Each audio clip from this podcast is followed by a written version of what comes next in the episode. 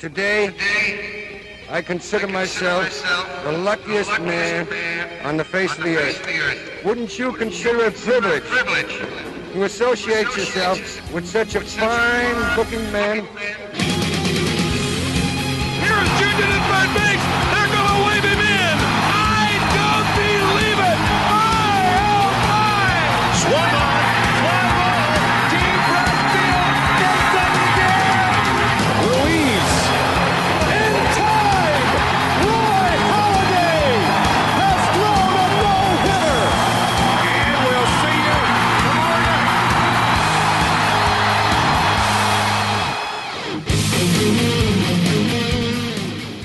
Het is het laatste weekend tot ergens in oktober dat er geen officiële honkbalwedstrijd is in Amerika en ook een beetje in Canada. En ook de temperaturen beginnen weer te stijgen, dus dat betekent dat ook wij ons klaar gaan maken voor het nieuwe MLB-seizoen. Dat doen we in deze derde episode van de Just a Bit Outside podcast van Sport Amerika, door ditmaal vooruit te blikken op de American League.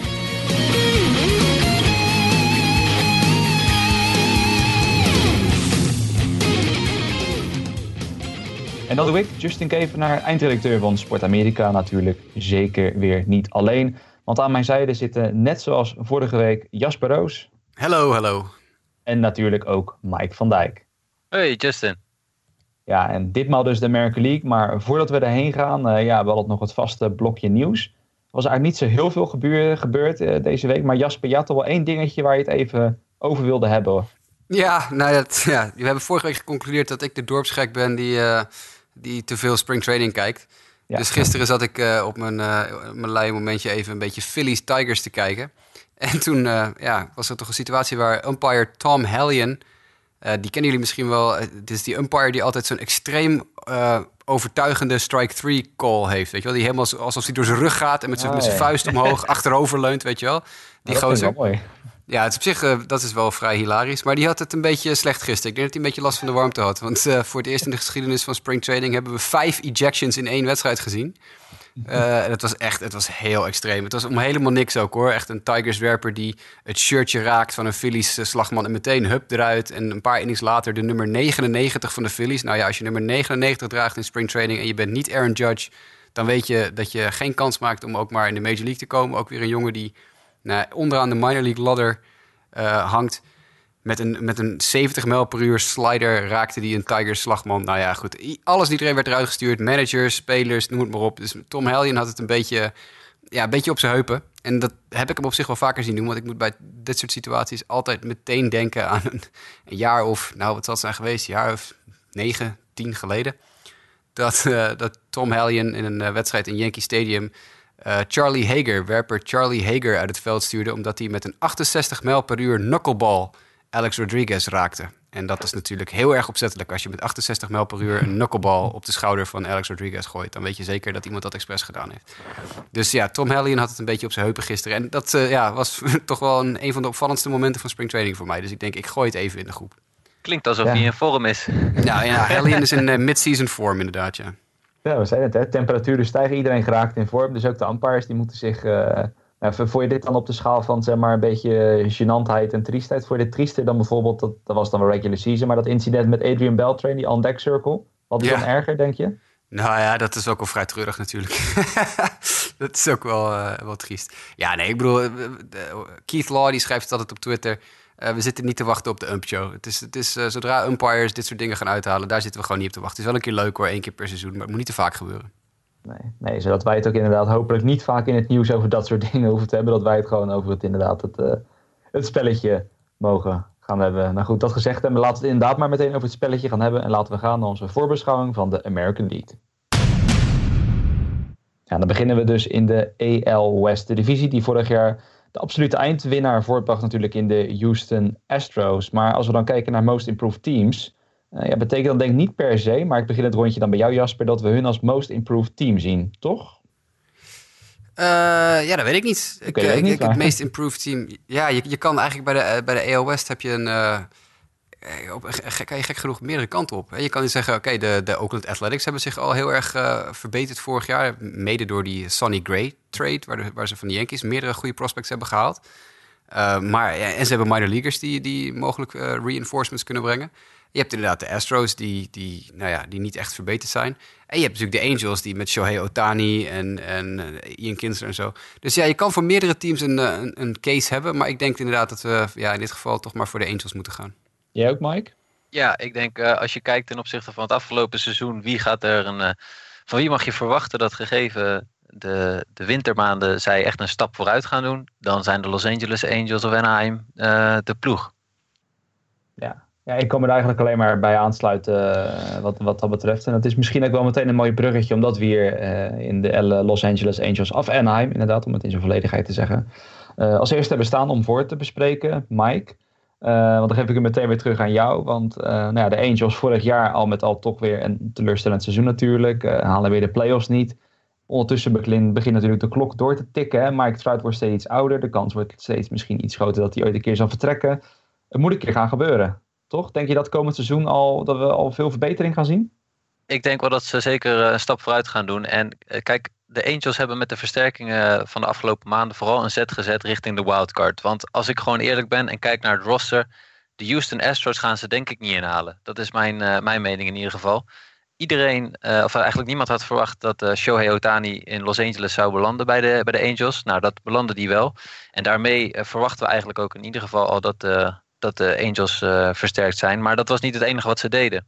Ze haalden ook tweede honkman Ian Kinsler. Wel bekend bij de meeste mensen voor op het tweede honk.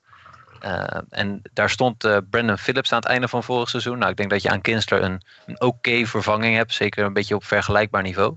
En een andere speler die ze haalden eh, was eigenlijk een korte stop. Maar die gaat derde honk spelen. En dat is Zach Cozart. Die kwam over van de Cincinnati Reds. Ja, verder als je kijkt naar het roster van de, van de Angels... eh, dan zijn er vooral nog eh, wat namen in de breedte bijgekomen. Neem een, Chris Young, wat al jaren eigenlijk een redelijke outfielder is voor, op MLB-niveau.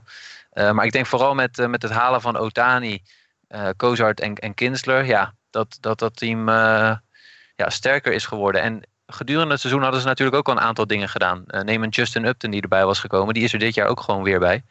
Uh, dus dit team is wel, uh, ja, wel redelijk, redelijk goed. En, en einde van vorig jaar hadden we ook nog een, een vraag gekregen van een, van een luisteraar. Van, hè, is, er, is er nu, uh, wanneer komt de supporting cast voor, voor Mike Trout? Ik denk wel dat het team voldoende sterkte heeft om een, om een gooi te doen naar een van die wildcards. Ja, dat denk ik ook. Ik denk dat als je kijkt naar ook de spelers die terugkomen eventueel. Je hebt natuurlijk vorig jaar gedeeltelijk hebben ze beroep kunnen doen op Garrett Richards. Die natuurlijk met een blessure heeft gezeten een tijdje. Die is nu weer terug.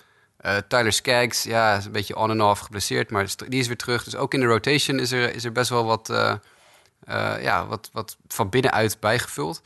die boelpen is ook eigenlijk best goed. In, in, in LA met Cam Bedrosian, Blake Parker, Jim Johnson is erbij gekomen. Keenan Middleton, die vorig jaar al heel goed was. Dus dat laatste stuk van die boelpen is eigenlijk ook wel heel goed. Dus ik ben het helemaal met je eens, Mike. Er is een, ja, een, een, stap richting de wildcard gezet. Want inderdaad, de Astros gaan ze niet bijhalen. Maar ja, als, als Calhoun weer een beetje terugbounced en als uh, Kozart doet wat hij moet doen, nou, dan is dit inderdaad best uh, alles bij elkaar een behoorlijk verstevigd team. Ja. Nee, als ik er dan wat aan toe mag voegen. Ik, ik was toevallig voor Sport Amerika maakte ik de, de, preview van de Los Angeles Angels. En ja, ik, ik had nog bijvoorbeeld twee jaar geleden, was dat geloof ik, had ik vooral het gevoel dat het vooral Mike Trout en Drelton Simmons en dan, nou ja, de rest was zeg maar. Uh, met Pujols dan uiteraard, maar goed, toch inmiddels al aardig op leeftijd. En misschien niet meer de Pujols die hij in zijn hoogtijdagen was. Maar toch, als je nu kijkt, de, line-up is gewoon een stuk capabeler. Alleen ja, de vraag is dan wel, Shohei Otani, kan hij echt natuurlijk aan die hype voldoen of niet? Daar gaat denk ik ook toch wel een redelijk deel, niet alles zal van het succes gaan afhangen. Hoe Otani het gaat doen, uh, maar tot op zekere hoogte. Toch ook weer wel. En kijk, nou ja, Jasper, je zei het net zelf, je bent iemand die dan wel, uh, hè, een van die uh, gekkies die, die springtraining intensief ja. op, om het zo te zeggen. Maar wat ik in ieder geval een beetje meekreeg uh, van afstandjes, dat het nou niet echt heel goed ging, toch, met Otani in springtraining? Nee, verre van. Verre van. De, de twee opvallendste, of uh, van de meer opvallende stats uit springtraining kwamen toevallig allebei uit het LA Angels kamp. Zowel in positieve als in negatieve zin. En uh, Otani doet het op de heuvel eigenlijk dusdanig slecht. Dat, dat er sprake van is geweest, heel kort, dat hij in de minors zou beginnen. Dat hij teruggezet zou worden naar AAA voor de eerste paar weken van het seizoen. Nou ja, dat lijkt nu weer een klein beetje van de baan. Want de Angels roepen heel hard van nee hoor, hij gaat gewoon naar de majors. Maar hij was, had een ERA van, ik geloof, in de acht uh, in spring training. Dus hij kreeg het behoorlijk om zijn oren.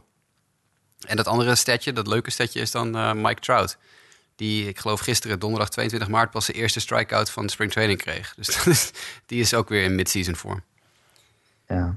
Maar goed, het is inderdaad wel, wat dat betreft, Trout is inmiddels nog steeds jong, 26,5. eh wordt komend jaar 27. Maar ik denk, ja, als je toch echt in zijn hoogtijdagen van zijn carrière wat wil doen, dan zal het wel toch de komende twee, drie jaar echt moeten gaan gebeuren. Of ze dan inderdaad in aanmerking komen voor een diepe run. Ja, dat, eh, dat, dat valt te betwijfelen. Inderdaad, zoals Mike denk terecht aangeeft, de Astros.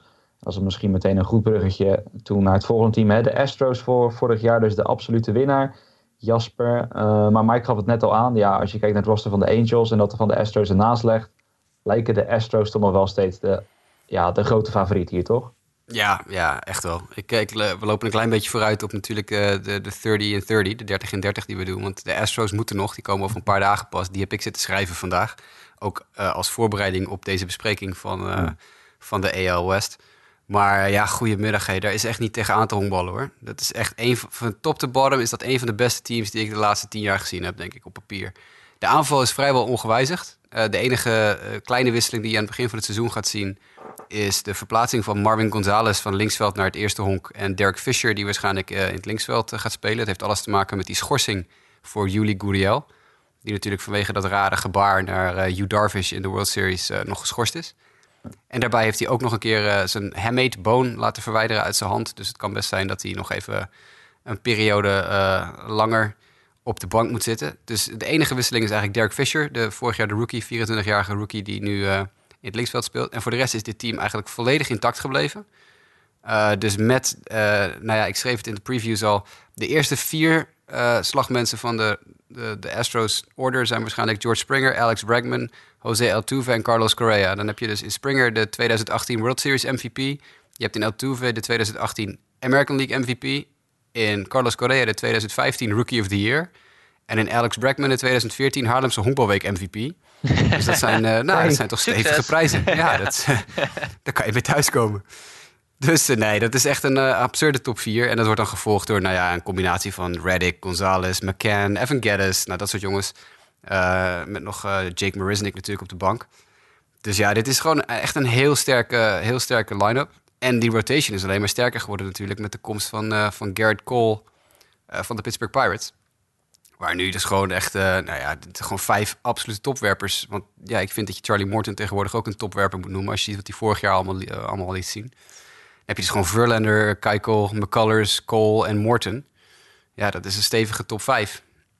Ja, het is inderdaad Charlie Morton. Ik bedoel, de man die vorig jaar toch uiteindelijk de, de grote held werd voor de Astros in die, in die laatste wedstrijd. Nou ja, ja. Die, die, die, die, zou dan in rotation, hè, als je ook kijkt een beetje naar hè, naamsbekendheid, zou die gewoon als nummer 5 pas om de hoek komen kijken. Achter de Verlander, Keuchel, McCullers, Cole. Uh, en het geeft ook de luxe aan, want als ik het even uit mijn hoofd goed zeg, Jasper, dan moet je me corrigeren als het niet zo is. Maar voor Cole hebben ze toch Colin Moran opgegeven, dacht ik, hè? derde honkman. Ja. Nou ja, uh, dat kunnen ze zich natuurlijk voorloven, want ja, wie hebben ze op derde honk staan? Alex Bregman, dus ja. Ja, ja daar kan je, je kan zonder Colin Moran. Het is dan inderdaad niet zo'n trade, dat heb je wel eens bij teams, hè, die dan iets hebben van, ja, we moeten eigenlijk echt wel iets opgeven dan helemaal goed iemand binnen te halen. Ja, oké, okay, ze geven allicht een goede speler op, maar ja, op een positie waar ze al gewoon hartstikke goed sterk bezet zijn. Ja, hetzelfde geldt, uh, geldt voor die andere jongen die ze naar Pittsburgh gestuurd hebben. Want Joe Musgrove zat ook in dat pakket. Ja, oh ja, tuurlijk, ja. Nou ja, ja. ze hebben dus nu gewoon eigenlijk uh, met de komst van Cole... hebben ze definitief Colin McHugh... Uh, die vroeger nog wel in de rotation heeft gezeten... doorgeschoven naar de plek van Musgrove in de bullpen. Ja. Waar die een soort van ja, long reliever, spot starter... Ja, dat, ja, dat soort plekjes gaat, gaat invullen. En ze hebben ook nog Joe Smith en Hector Rondon... Toegevoegd als free agents aan die bullpen. Joe Smith van de Indians en Rondon van de Cubs. Dus ja, dit is nu ook gewoon een, ijzersterke bullpen geworden. Waar vorig jaar in, uh, in de playoffs hebben we natuurlijk uh, AJ Hinch zien jong leren als een malle met, met die werpers. En, en Verlander dan weer 8, 9 innings laten gooien. En natuurlijk die, wat je al zei, die game 7 van Charlie Morton. Die, die gewoon de hele wedstrijd gooide. Ja, dus dat soort dingen hoeft hij dit jaar niet meer te doen. Want met, met Ken Giles en Chris Stefanski, nu dan Joe Smith, Hector Rondon, Brad Peacock, Will Harris. Nou, goedemiddag, hé. Dat is ook best wel een stevig boelpennetje, hoor. Ja. Je zou bijna zeggen, moeten we dit seizoen nog wel... kun je niet schriftelijk afdoen, hè? Maar dat is misschien iets te voorbarig. Nou ja, dat ja, is wel, ja. Kijk, een jaar geleden zijn we begonnen met deze podcast. En ik kan me herinneren dat we eigenlijk exact eenzelfde soort discussie hebben gehad... over, uh, over de Chicago Cubs van toen. Uh, en wat maakt dit ja. team dan anders? Want toen zouden we het ook van, ja, de Cubs hebben net de World Series gewonnen. ontzettend jong, talentvol team. Hadden ook enorm veel star power. Uh, en wa waarom gaan de Astros het dan wel dit jaar opnieuw uh, nieuw zo goed doen? Ik denk dat dat ook vooral te maken heeft natuurlijk met de hype die bij de Cubs zat. Hè. De, kijk, de, de Astros worden natuurlijk in honkbalkringen op zich wel gezien als een, als een, uh, een kandidaat om te herhalen. Alleen die hype die er om de Cubs hing, die natuurlijk die jarenlange opbouw van het e-, eerste de Curse of the Billy Goat en de 100 jaar geen titel gewonnen en, uh, en er zo dichtbij komen een paar keer en de vloek van Steve Bartman en noem maar op. Die hele hype en die stress die daarbij komt kijken, die hebben de Astros helemaal niet. Bedoel, het is hartstikke leuk dat ze vorig jaar gewonnen hebben en dat voor het eerst in weet ik hoeveel decennia was dat ze überhaupt de World Series wonnen. Maar die hebben geen last gehad van vloeken, die hebben geen last gehad van wat dan ook. Die hebben gewoon net zoals de Cubs een heel gedegen wederopbouw gedaan, alleen zonder de, ja, de, verhalen eromheen. Dus ik denk als je kijkt naar uh, ook de ervaring die in dit team zit, want dit team is gemiddeld beduidend ouder dan het team van de Cubs van vorig jaar. Veel meer ervaring hier in dit team natuurlijk met de dertigers Evan Gaddis, Brian McCann, Josh Reddick en in de, in de rotation natuurlijk Keuchel en Verlander en Charlie Morton. dus dit is een veel ervarener team dan die nou ja, toch relatief jonge Cubs. Ik denk serieus dat de Astros een betere kans hebben dan de Cubs om te, om te repeaten. Ja, ja. Nee, goed. Dan blijft er natuurlijk nog steeds heel veel van de, natuurlijk dan ook uiteindelijk van de playoffs afhangen. Ik denk alleen wel, binnen deze divisie uh, ja, moeten ze toch eigenlijk geen probleem hebben met, uh, met de concurrentie, nee. maar dat... Nee, kijk naar de starting pitching alleen al. Ja, ik bedoel, we hebben het net over de Angels gehad, maar als je de namen ziet die hier staan, Jasper had ja. het net ook aan, dat, dat is alleen al zo'n gigantisch verschil. Ja. ja. Ja, nog ja. twee uh, nieuwtjes ook voor de Astros voor we doorgaan naar de volgende club trouwens. We hebben het nog niet uh, gehad over de contractverlenging van José Altuve in deze podcast. Dat is ook alweer anderhalve week geleden geloof ik. Hm. Yes. Dus dat uh, moet ook nog even gezegd worden. Die natuurlijk een vijfjarige verlenging heeft getekend. Die pas in 2020 geloof ik ingaat. Dus hij is nog twee jaar lekker minimumloon. En dan gaat hij ineens 30 miljoen per jaar verdienen. Ik denk dat het een uitzonderlijk goede uh, contractverlenging is. Heel keurig gedaan door de Astros ook. Want ze hebben natuurlijk aan Altuve... die uh, op een minimumloon de EL MVP gewonnen heeft dit jaar zo ongeveer. Hij heeft ze al ontzettend veel gegeven. En zij zorgen er nu voor dat wat er ook gebeurt... ook al zak je nu ineens helemaal weg en verdwijn je... je hebt ons in ieder geval al zoveel productie gegeven... dat je die 150 miljoen ook al nu eigenlijk al verdiend hebt... met die laatste paar jaar van hem. Dus dit is denk ik een uitzonderlijk nette deal... van zowel Altuve als de Astros. Um, en we moeten nog even melden, maar dat is meer voor de prospect mensen onder ons. Dat zijn er toch maar drie in Nederland of zo, maar ik wil het toch even zeggen. uh, Forrest Whitley. Ik, uh, ik weet niet of ik. Uh, ik heb hem al een paar keer genoemd, maar ik weet niet of die naam is blijven hangen bij jullie. een van de allerbeste werper prospects. Ik geloof dat hij nummer 7 of 8 staat in de MLB.com top 100 of zo. Een van de beste werper prospects in de majors is geschorst voor 80 wedstrijden naar dopinggebruik. Hmm. Nou, Kijk, dat biedt dan misschien mogelijkheden voor het volgende team. Nee, oké, dat, ja. dat zou misschien weer een beetje te, te voorbarig zijn. Maar het volgende team waar we dan even naar gaan kijken, die Seattle Mariners. Uh, nou ja, goed, het, het, is bekend. Inmiddels hebben ze, naar mijn weten, de langste playoff drought van zo'n beetje elk MLB-team. Uh, ja, men wacht al heel lang op de playoffs in Seattle. Mike, uh, ik zal hem eerst aan jou geven dat ik er zelf wat over zal zeggen. Maar misschien om te beginnen, lang verhaal kort. Denk jij dat dit het jaar wordt waarin de drought wordt beëindigd? Denk het. Ja, nee, ik denk het niet. Uh, ik hoop het. Dat is het. Ik, kijk, wat jij hebt met de Pittsburgh Pirates, heb ik een beetje met de Seattle Mariners. Ik gun ze wel weer een keer het succes van de, van de playoffs. Uh, en ik, ik blijf erbij dat het, het roster wat ze hebben, doet niet heel veel onder uh, voor dat van de Los Angeles Angels. en ik denk zelf dat ze gewoon vorig jaar heel veel pech ook hebben gehad met de blessures. Maar ehm, ja, op de een of andere manier klikt het gewoon niet steeds. En, en ik, ik kan moeilijk mijn vinger opleggen waar het, waar het aan ligt, maar misschien jij wel? Nee. Nou ja, het, het, is altijd ja, om dan weer te zeggen pech. Hè, dat, is, dat is ook weer zo makkelijk. Uh, ja, als je, als je, kijkt naar vorig jaar, even kijken naar, naar versterkingen. Als je, als je het daarover hebt. Uh, eigenlijk het enige echte wat ze dan hebben gedaan is ze hebben D. Gordon erbij gehaald voor het outfield. Uh, dat was vorig jaar vaak een combinatie van, van, van Jared Dyson, die daar dan voornamelijk het vaak invulde. die nu uiteraard bij de Diamondbacks is gaan spelen. En Ryan Healy dan, omdat ja, het eerste honk, dat is nou eigenlijk al jaren een probleemkindje in, in, in Seattle. Vorig jaar werd het met Danny Valencia geprobeerd. Dat was het toch ook niet helemaal. Nu gaan ze het schijnbaar met een combinatie van Ryan Healy en uh, Dan Vogelbach. Die uh, ja, ook ineens uh, op is gedoken als potentiële kandidaat. Hè. Toch even een beetje uit het oog verloren, maar lijkt dan toch echt speeltijd te gaan krijgen. Ja, en, en die rotation is dan toch... Kijk, James Paxton vorig jaar natuurlijk een geweldig seizoen.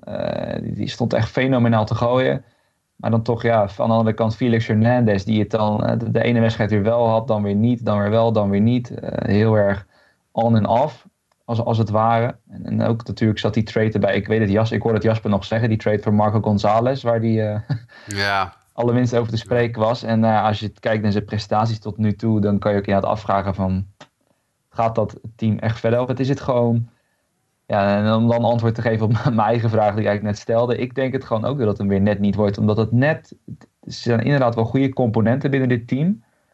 Tegelijkertijd ook alweer genoeg dingen waardoor je geneigd bent te zeggen van ja, als er maar één of twee dingen fout gaan, dan denk ik niet dat dit team breed genoeg is is- of sterk genoeg is om, daar, ja, om dan over dat punt heen te komen. Dat ze het toch gaan redden. En dat daarbij dan de Astros eigenlijk ja, eh, de grote concurrent zijn. Dat maakt het ook niet heel veel makkelijker met dan de Angels die ook mee gaan dingen. Het, eh, het wordt gewoon een lastig verhaal. Het is zonde, want ja, toen ze eenmaal Robinson Cano haalden, iedereen hoopte natuurlijk van, hè, dit wordt echt het moment dat de Mariners een ploeg worden om rekening mee te houden in de American League. Maar sinds Cano erheen is gegaan, is dat eigenlijk nog nooit echt eh, eruit gekomen. Ik weet bijvoorbeeld niet hoe Jasper er tegenaan kijkt. Nou, ik wil je net even vragen. eh, wie is de nummer 5 starter van de Mariners? Want je hebt natuurlijk Felix, je hebt James Paxton. Die ik dit jaar trouwens echt ontzettend hoog heb zitten hoor. Dat wordt echt een potentiële AL uh, Cy Young kandidaat. Als die fit blijft. Uh, Mike Leake hebben we nog natuurlijk. En die Marco Gonzalez. Maar wie is de nummer 5? Wordt dat, wordt dat Erasmo Ramirez of, of Ariel Miranda? Of wordt dat een, een minor leaguer in de vorm van, weet ik veel, Andrew Moore of Max Povsey of zo? Ja, ik, ik had zelf dacht ik dat ze wel voor Ariel Miranda uh, zou, zouden gaan. Ik geloof op andere Mariners blogs hadden ze het er ook weer over dat ze misschien uh, ook voor zo'n soort six-man rotation zouden willen gaan. Waarin dan, of dan af en toe als het dan weer vijf wordt, dat Ramirez en Miranda elkaar, elkaar vervangen. Uh, Erasmo Ramirez trouwens, van naam dat ik ook alweer dacht van, oh, die is ook ineens weer, weer, weer terug. Hè? Natuurlijk naar Tampa Bay gegaan, nu weer terug. ja, ik, ik, ik denk een combinatie uiteindelijk van een van die twee. Op, op de korte termijn. Op de lange termijn ja, wordt, wordt het een beetje afwachten. Ik weet, vorig jaar had je Andrew Moore, Chase de Young. Ja. die, die het een paar keer in hebben gevuld. Maar ja, weet je nou ook niet echt per se heel erg vrolijk van. Nee, dat Max Pafsi, als ik het goed uitspreek. Nee, jij bent een beetje de prospect watcher. Die zie ik dan hier inderdaad staan als een van de pitching prospects van de Mariners die er het dichtst tegenaan zou zitten. Ik vind hem niet heel goed trouwens. Nou, kijk. Maar dat is, dat, dat ja, dat is mijn persoonlijke mening. Dan moet, nee, maar dat is, uh, ja. dat is dan ook weer het probleem. Kijk, ik bedoel, de, de Angels hebben we jarenlang afgekraakt. Uh, of jarenlang afgekraakt hebben. We zijn nog niet zo heel lang bezig. Maar maandenlang afgekraakt. Dus misschien beter gezegd. Hè, dat ze helemaal geen farm system hebben. Dat ze gewoon helemaal niks hebben wat eventueel opkomt. Uh, nou goed, die hadden dan ineens Otani binnen. Dat is natuurlijk dan ook wel bad. Tegelijkertijd een beetje gemiste kans voor de Mariners. Dat was toch wel een beetje het team waarvan iedereen dacht... Hé, Japanse link, Otani, die komt er wel bij... En als ik dan kijk naar uh, de top 100 prospect rankings en wat de Mariners erin hebben, zie ik maar één naam staan. Ja. En dat is natuurlijk wel een beetje, ja, wel wat een team als de Mariners er niet echt kunnen gebruiken, zeg maar. Sterker nog, dat die ene, je bedoelt op uh, Kyle Lewis, die outfielder waarschijnlijk. Die, dat is geweldig talent, een geweldig talent, maar echt om de havenklap geblesseerd. Dus ook dat nog voor de Mariners. Ze hebben dus één top 100 prospect. En dat is lage top 100 hoor, geen, uh, geen hoge top 100. Nee. Maar die is ook nog eens een keer echt om de havenklap geblesseerd. Dus dat is ook nog eens een keer heel zuur. Nee, dus dat is het inderdaad. Kijk, Jerry de Poddo, die kan, uh, ja, die kan weer gaan ruilen tot hij een... Uh, tot, tot hij geel. Weet, inderdaad, maar... Het, het, er, moet echt wel, uh, er moeten wel heel veel dingen op de juiste plek vallen. Willen ze echt een, uh, ja, een gevaar vormen voor de rest. En ja, op papier is die potentie er wel. Maar als je dan toch kijkt vaak naar de geschiedenis van de Mariners, dan gaat altijd wel weer iets fout. En dan is het team gewoon niet breed genoeg, denk ik, om dat op te vangen. Wel leuk trouwens nog het laatste dat Ichiro terug is. Dat dan weer wel, maar... Ja, dat Gelijk als starting uh, left fielder waarschijnlijk, hè? Ja. Ja, ja want Heredia, Guillermo Heredia, die, uh, die er anders uh, een halve waarschijnlijkheid zou starten, die... of Gamble. Die, ja. ja, Ben Gamble. Ja, ja precies. Maar, die zijn allebei, uh, ja, die zijn allebei niet beschikbaar. Dus dan wordt het Ichiro. Ja. Uh, wat aan de ene kant leuk is. Aan de andere kant kan je ook daarbij dus afvragen van ja, is dat wat een team dat echt om de playoffs uh, wil strijden, wat ze dan kunnen gebruiken? Zo ook al, sowieso ook al een oud team natuurlijk. Hè? Nelson Cruz is ook al bijna 38. Ja. Robinson Cano is al dik 35. En nou Ichiro met zijn, hoe oud is hij? 44 hè? Is hij 44, komt er nog even bij. Dus nee, het, is, het, is, het wordt wel een dagje ouder. Maar goed, uh, als we dan een positief dingetje... Ik zeg, James Paxton gaat uh, uh, volledig... nou ja, voor zover die nog niet doorgebroken was... gaat hij echt doorbreken dit jaar. Mits die fit blijft. Dat is wel altijd een probleem bij hem. Maar die heeft vorig jaar dingen laten zien... als je ook naar zijn peripheral stats kijkt... naar zijn, zijn, zijn fastball velocity... zijn home run to fly ball rate... zijn strikeout rate... zijn strikeout to walk percentage dat is allemaal hartstikke houdbaar wat hij heeft laten zien. En dat kan dus een, een heel leuk feestje worden in eh, Seattle als James Paxton op de heuvel staat. En ik denk wel dat uh, Diamondbacks dit seizoen spijt gaan krijgen van Gene Segura en Mitch Haniger. Vorig jaar viel dat nog een beetje door blessureleed en dergelijke eh, viel dat mee. Maar ik denk wel dat die gewoon een goed seizoen gaan beleven. Uh, ik ben zo'n fan van Mitch Haniger. Uh. ja, precies. Nou, dat is inderdaad nog wel goed om te benoemen. Dat was vorig jaar ook inderdaad door blessureleed dat hij er niet, uh, er vaak niet bij was. Dus ja, er zijn leuke dingen, er zijn minder leuke dingen. Maar ik vrees dan toch weer dat het net niet zo heel erg leuk wordt. Laten we doorgaan naar de Oakland Athletics. Vorig jaar misschien niet zo heel erg verrassend nummer laat in de divisie. Jasper, al viel het verschil nog wel mee. Uiteindelijk waren ze maar vijf wedstrijden achter de Los Angeles Angels, die tweede. Dus het, het, viel al met al aan het einde van de rit nog wel mee. Ja, zou je niet zeggen als je ze zag honkballen, maar dat is een ander nee, verhaal. precies, maar dat, dat ik wel net zeggen, want ik zit hier dus naar te kijken. Ik wilde eerst uh, eigenlijk een beetje op uh, mijn hand zeggen. Hè. Ze werden echt uh, stijf laatst, maar dat valt gezien de stand best wel mee. En dan is de vraag altijd maar weer, ja, wanneer, hè, want dan gaan ze weer veel wegtraden en dan komen er wat talent op. Valt er wat te verwachten van Oakland komend seizoen? Nou, ten eerste, ze zijn natuurlijk relatief dicht bij de rest gefinished in de AL West. Omdat vorig jaar de AL West gewoon om te janken was. Uh, ja, je speelt natuurlijk verreweg de meeste teams tegen je eigen divisie. Ja, ja de Astros die, die maakte iedereen af. En voor de rest uh, was het eigenlijk een grote puinhoop daar. Dus ja, dan kan je als, ook als slecht team wel eens een keer een paar wedstrijdjes extra winnen. Um, wat was je vraag? Ja, of, of er misschien nog iets van hoop is voor Oakland. Oh ja, ja, ja. ja. Of, of dat, dat, dit dan weer een jaar wordt dat er wel weer iets van vooruitgang is. Dat er misschien wat talent is. Ja, dat, oh dan vaak weer een beetje een rebuild. Hè? Is daar wat van te zien? Ja, nee, ik ben er weer helemaal bij. Ik moest eventjes nog, uh, nog wat afreageren over vorig jaar. Maar uh, uh, nee, ja, zijn ze verbeterd? Ja, absoluut. Um, zijn er leuke dingen in, in aankomst? Ja, ook zeker, absoluut. de eerste supergoeie deal die ze gemaakt hebben... is natuurlijk de aankoop van Steven Piscotty... die van de Cardinals werd overgenomen... zodat hij dichter bij zijn moeder kon zijn... die aan ALS leidt. Sowieso al fantastisch natuurlijk. Ook voor die jongen dat hij, dat hij thuis kan blijven. Dat hij bij zijn moeder kan zijn. Geweldig petje af voor zowel, zowel de Athletics als de Cardinals... Uh, maar Piscotty is natuurlijk ook eigenlijk gewoon een hele goede honkballer als je uh, naar, die, uh, naar die hoek kijkt. en die versterkt absoluut meteen het rechtsveld. De doorbraak van Matt Olsen van vorig jaar is absoluut legit, denk ik. Ik denk dat Matt Olsen dit jaar hetzelfde kan laten zien. Ongelooflijk veel power natuurlijk. Vorig jaar ook al heel veel homers geslagen. en met Chris Davis met een K ook al in die line-up... heb je daar gewoon twee jongens die met z'n tweeën ruim over de 50 homeruns kunnen gaan. En dat is al erg prettig. Um, de toevoeging van Jonathan Lucroy kan ook nooit kwaad, denk ik persoonlijk. Want Lucroy is een hele ervaren catcher. En uh, die kan je als jonge pitchingstaf wel gebruiken. En dat is het volgende puntje. De pitchingstaf is natuurlijk nog steeds vrij jong. Kendall Graven is pas 27, Sean Manaya is pas 26, Daniel Mengden is 25. Nou ja, dan bungelt er nog wat achteraan. Daniel Gossett is pas 25. Dus het is, het is een hele jonge pitchingstaf. Die hebben over het algemeen heel veel aan een uh, betrouwbare, ervaren catcher. En uh, laten we heel eerlijk zijn, dat zou Josh Fagley en Bruce Maxwell zouden dat niet, uh, niet echt brengen nog. Um, plus Jonathan Lucroy, Lucroy is aanvallend gezien uh, veel beter dan die andere twee. Dus dat voegt ook wat toe. Dan heb je Dustin Fowler, die als het goed is weer terugkeert van zijn zware knieblessure die hij vorig jaar opliep. Die komt bij de Yankees vandaan uit de Sonny Gray trade. En dat is ook een heel groot talent. Uh, als die een beetje door kan, uh, kan duwen met waar hij mee bezig was uh, in zijn laatste periode in AAA en bij de Yankees in het begin, dan zou dat best een goede toevoeging kunnen zijn. En ook een sterk minor league systeem. Dus ook daarvoor geldt weer, als er wat nodig is om uh, vanuit de minors te plukken, dan kan dat dus bij uh, uh, de Athletics. En niet vergeten natuurlijk ook Franklin Barretto, die vorig jaar al zijn debuut doormaakte, de 22-jarige korte stop. bestaat ook nog een kans dat hij dit jaar ook gewoon weer mee gaat draaien. En wat hebben we dan meer? Ja, dan heb je nog jongens als Jorge Matteo en James Caprillion, die ook in de honkbalweek heeft gespeeld voor Team USA, de pitcher. Uh, die nog in de minors zitten. Dus ja, nee, het, uh, ik denk dat het wel beter wordt dan het vorig jaar was. Het is inderdaad een beetje een rebuild uh, verhaal. Ja, nou ja, zoals het eigenlijk zo vaak lijkt in Oakland. Ze hadden natuurlijk een paar jaar terug met, met, met een Josh Donaldson. En toen dat ze John Lester ineens binnenhaalden. heel verrassend zo'n team bij elkaar. Wat het ineens heel erg goed deed. Maar toen een beetje een meltdown beleefde. Met uiteindelijk die, die hele betreur, ja, treurige nederlaag in de wildcard tegen de Royals. Die ze nooit weg hadden mogen geven natuurlijk. Nee. Maar uh, ja, dan begint er dus weer een rebuild. En het is, uh, ik denk, ja, ik heb dan zoiets van, het is lastig om het team echt te peilen, in te schatten. Want het veel jonge gasten, maar hoeveel potentiële supersterren zitten dan echt tussen die op kunnen staan? Lastig te zeggen, maar het, is wel, als ik het dan wel bekijk, bij de Mariners had ik dat minder wel misschien een iets logischere mix van spelers. Hè? Dan niet superveel spelers die echt helemaal op hun, hun retour zijn, maar ja, ik, ik weet niet. Ik zie denk ook wel... ook wel zitten. Ik weet niet, Mike, eh, zie jij het ook wel zitten of heb je er echt helemaal niks mee? Nee, ja, ik, ik, ik heb hele lage verwachtingen van de Oakland Athletics. En eh, het, het zou mij verbazen als zij eh, eigenlijk boven die vijfde plaats weten te eindigen. Er zit zeker talent, zo, zie ik het ook.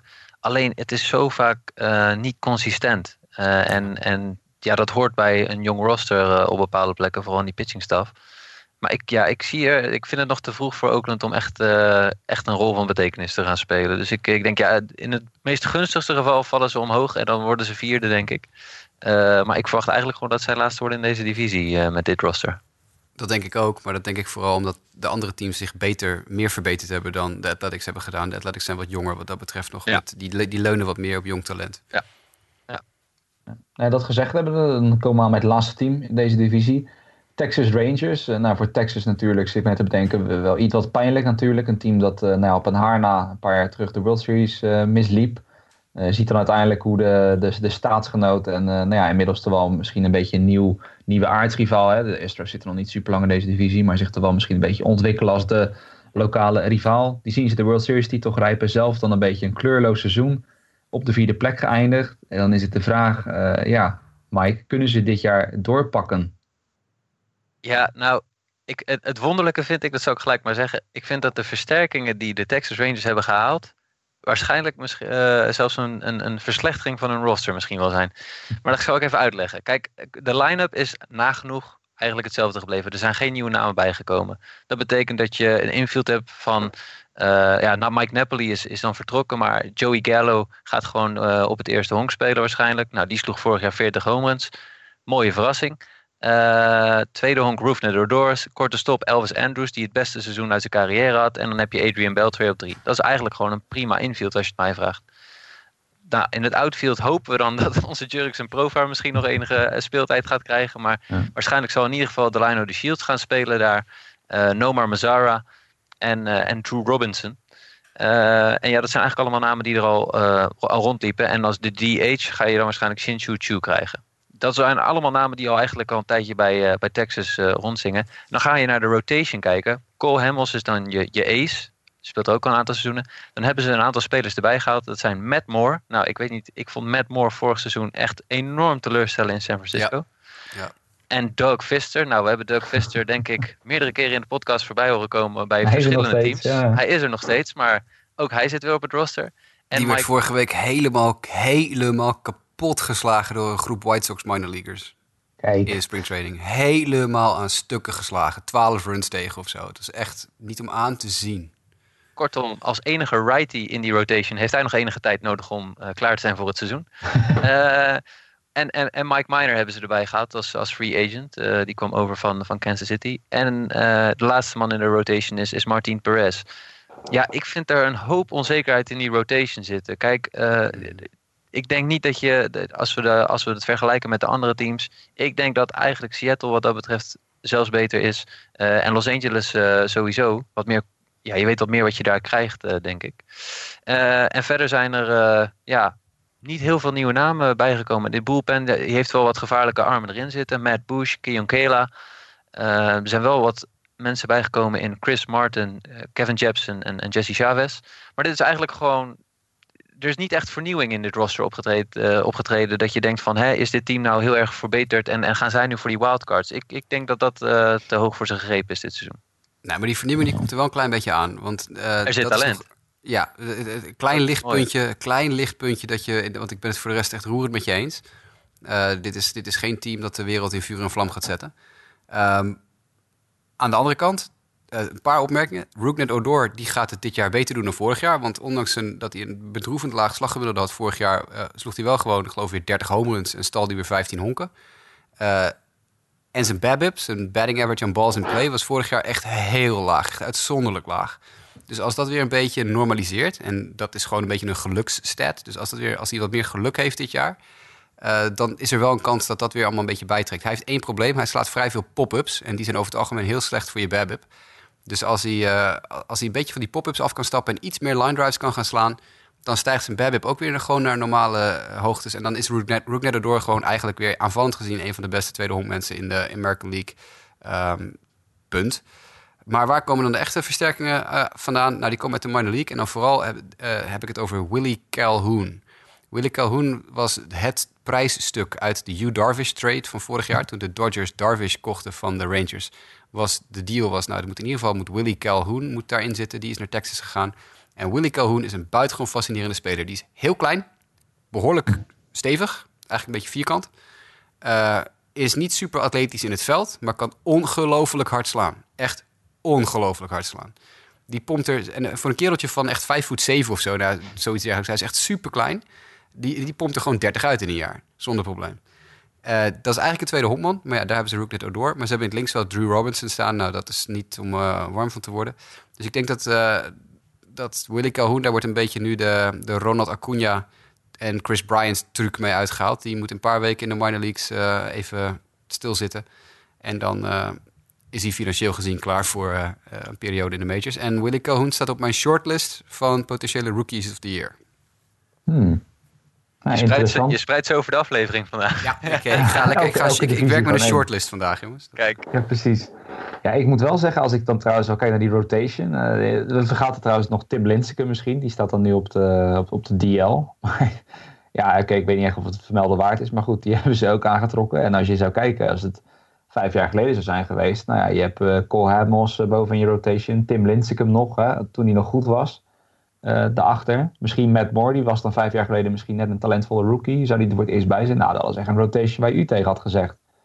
Maar ja, het is nu, ik weet niet, ik, ik heb het niet zo op de Texas Rangers. Vraag me niet echt waarom. Ik ga er niet een heel inhoudelijk verhaal vertellen. Maar als ik hier naar kijk, um, ja, ik, ik zou zeggen, we hebben het dan aan het, aan het einde het hebben over verrassingen. We gaan zo picks doen, maar als ik dan misschien een verrassing een negatieve zin zou moeten noemen, dan zou ik misschien voor de Rangers gaan. Ik, ik zie dat wel een beetje uit elkaar vallen. En uh, ja, vooral op het gebied van die rotation, dat daar gewoon geen adequate antwoorden zijn, als het ware. En dan kan die de rest van de divisie nog zo zwak zijn. Zou me niet verbazen als ze misschien de zwakste worden. Maar goed, misschien zijn we straks wel half jaar verder en dan zie ik echt als een idioot uit. Maar dat, uh, Dat, kunnen we, dat hebben we met ons alle drie. Want we roepen hier natuurlijk allemaal dingen. Uh, dat hebben we vorig jaar ook gedaan. We roepen van alles en nog wat. En of het uitkomt of niet, ja, we proberen het zo goed mogelijk statistisch te onderbouwen. Maar het blijft honkbal. En de bal is rond en de knuppels ook. En noem maar op. Dus, uh... Nou ja, die, die statistische onderbouwing bleef hier weer een beetje weg. Maar hè, ik bedoel, uh, het schijnt altijd goed te zijn voor de kijk- en luistercijfers. Hè, dat een beetje dingen roepen die. nee, maar zonder grappen. Um, laten we dit gezegd hebben. Ik heb dan misschien al een beetje door laten schemeren. Wie in ieder geval mijn ploeg is die ik als laatste zie eindigen hier. Jasper, geef ik hem eerst aan jou. De picks en voorspellingen. 1 tot 5, wat verwacht jij? Uh, qua qua uh, picks wordt het voor mij... Uh, de Houston Astros gaan ruimschoots bovenaan finishen. Dat wordt echt fluitend met twee vingers in de neus enzovoort.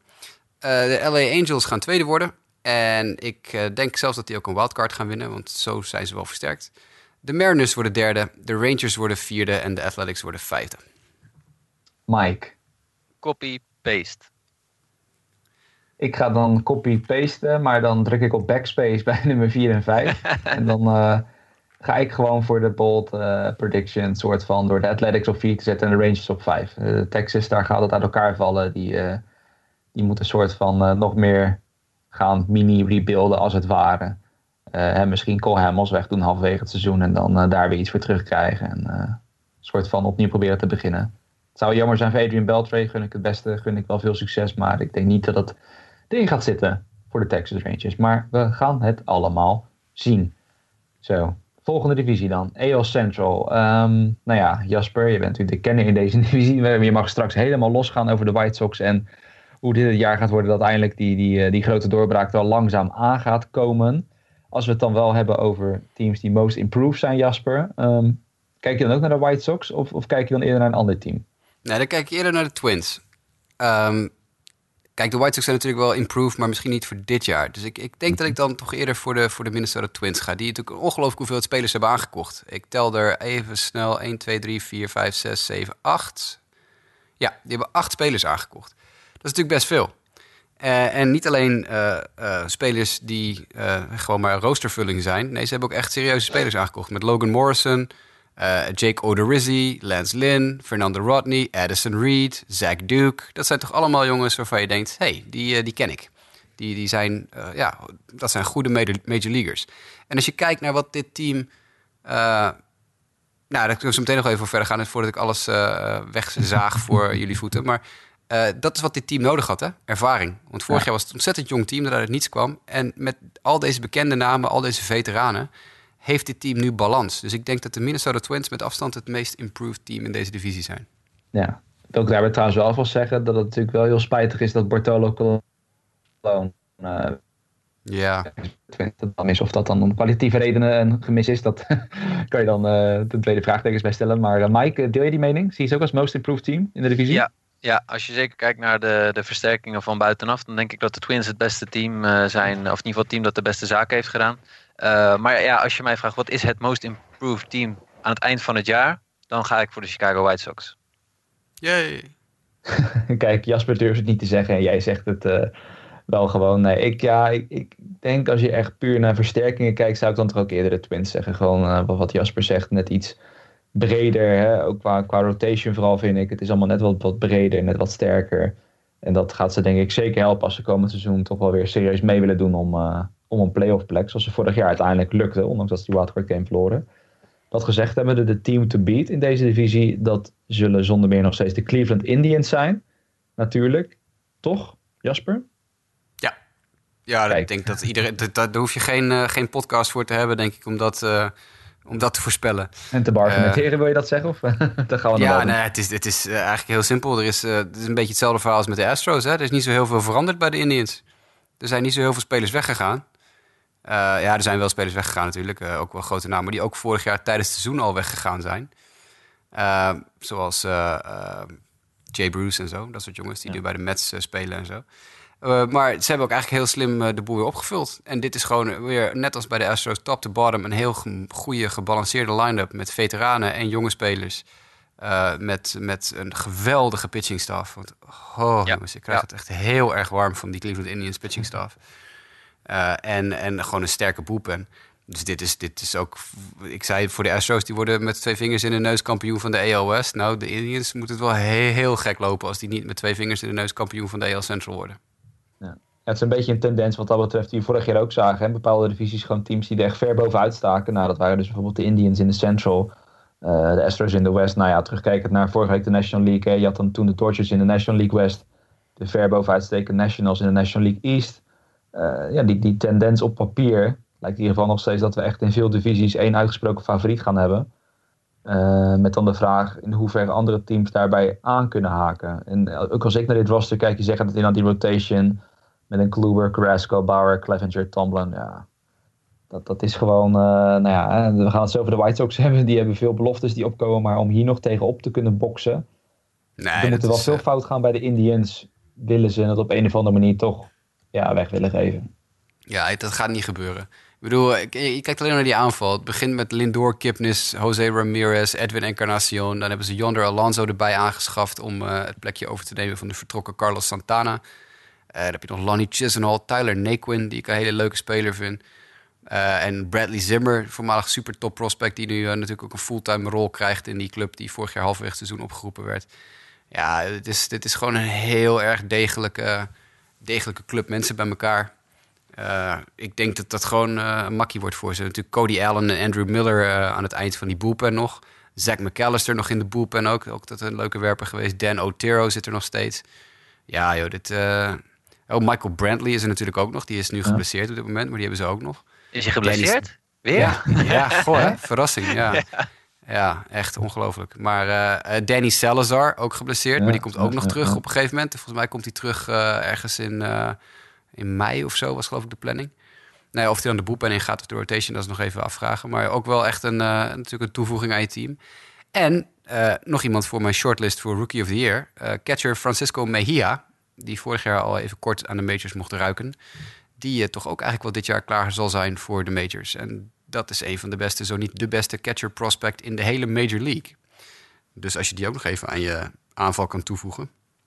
Ja, nee goed. En wel wat dan net bij de vorige divisie over de Astros, hè, die dan nou ja, misschien niet echt een reële bedreiging hebben in de divisie. Als het over reële bedreigingen binnen deze divisie voor de Indians, dan zouden dat toch wel misschien de Minnesota Twins moeten zijn, Mike. Maar denk jij dat de Twins ook echt sterk genoeg zijn om dat voor elkaar te krijgen?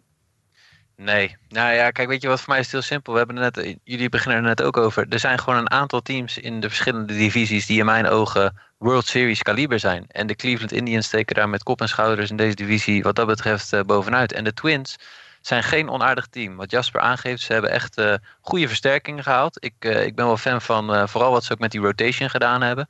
Jake Odorizzi en, en Lance Lynn. Ja, ik ben Lance Lynn fan, dus ik vind dat een prima versterking. En ook geen gekke deal die ze daarvoor gesloten hebben. Uh, dus dat, ja, kijk, ze, ze, ze, waren het surprise team van volgend jaar. Dus dan staat er druk op om dit jaar weer op een goede manier te presteren. En ik denk dat ze gewoon heel gericht gekeken hebben naar wat zijn de spelers die we nodig hebben om ons, om ons roster te versterken. En ja, het is, een, het, is een, het goed roster geworden wat mij betreft om het, om het seizoen mee te starten. de rotation bestaat in principe uit, uit Urban Santana, Jose Berrios, wat ik zei, Lance Lynn, Jake Odorizzi. En dan zal de vijfde waarschijnlijk Kyle Gibson zijn. Nou, dat zijn allemaal mensen die gewend zijn op, uh, op het hoogste niveau te gooien al, uh, al meer dan uh, 1, 2 seizoenen lang. Dus dat is, dat is op zich wel redelijk betrouwbaar. en kijk je dan naar die line-up, nou, dan had je Miguel Sano die vorig seizoen natuurlijk een goed seizoen heeft gedraaid. Hopen dat hij het door weet te, trekken.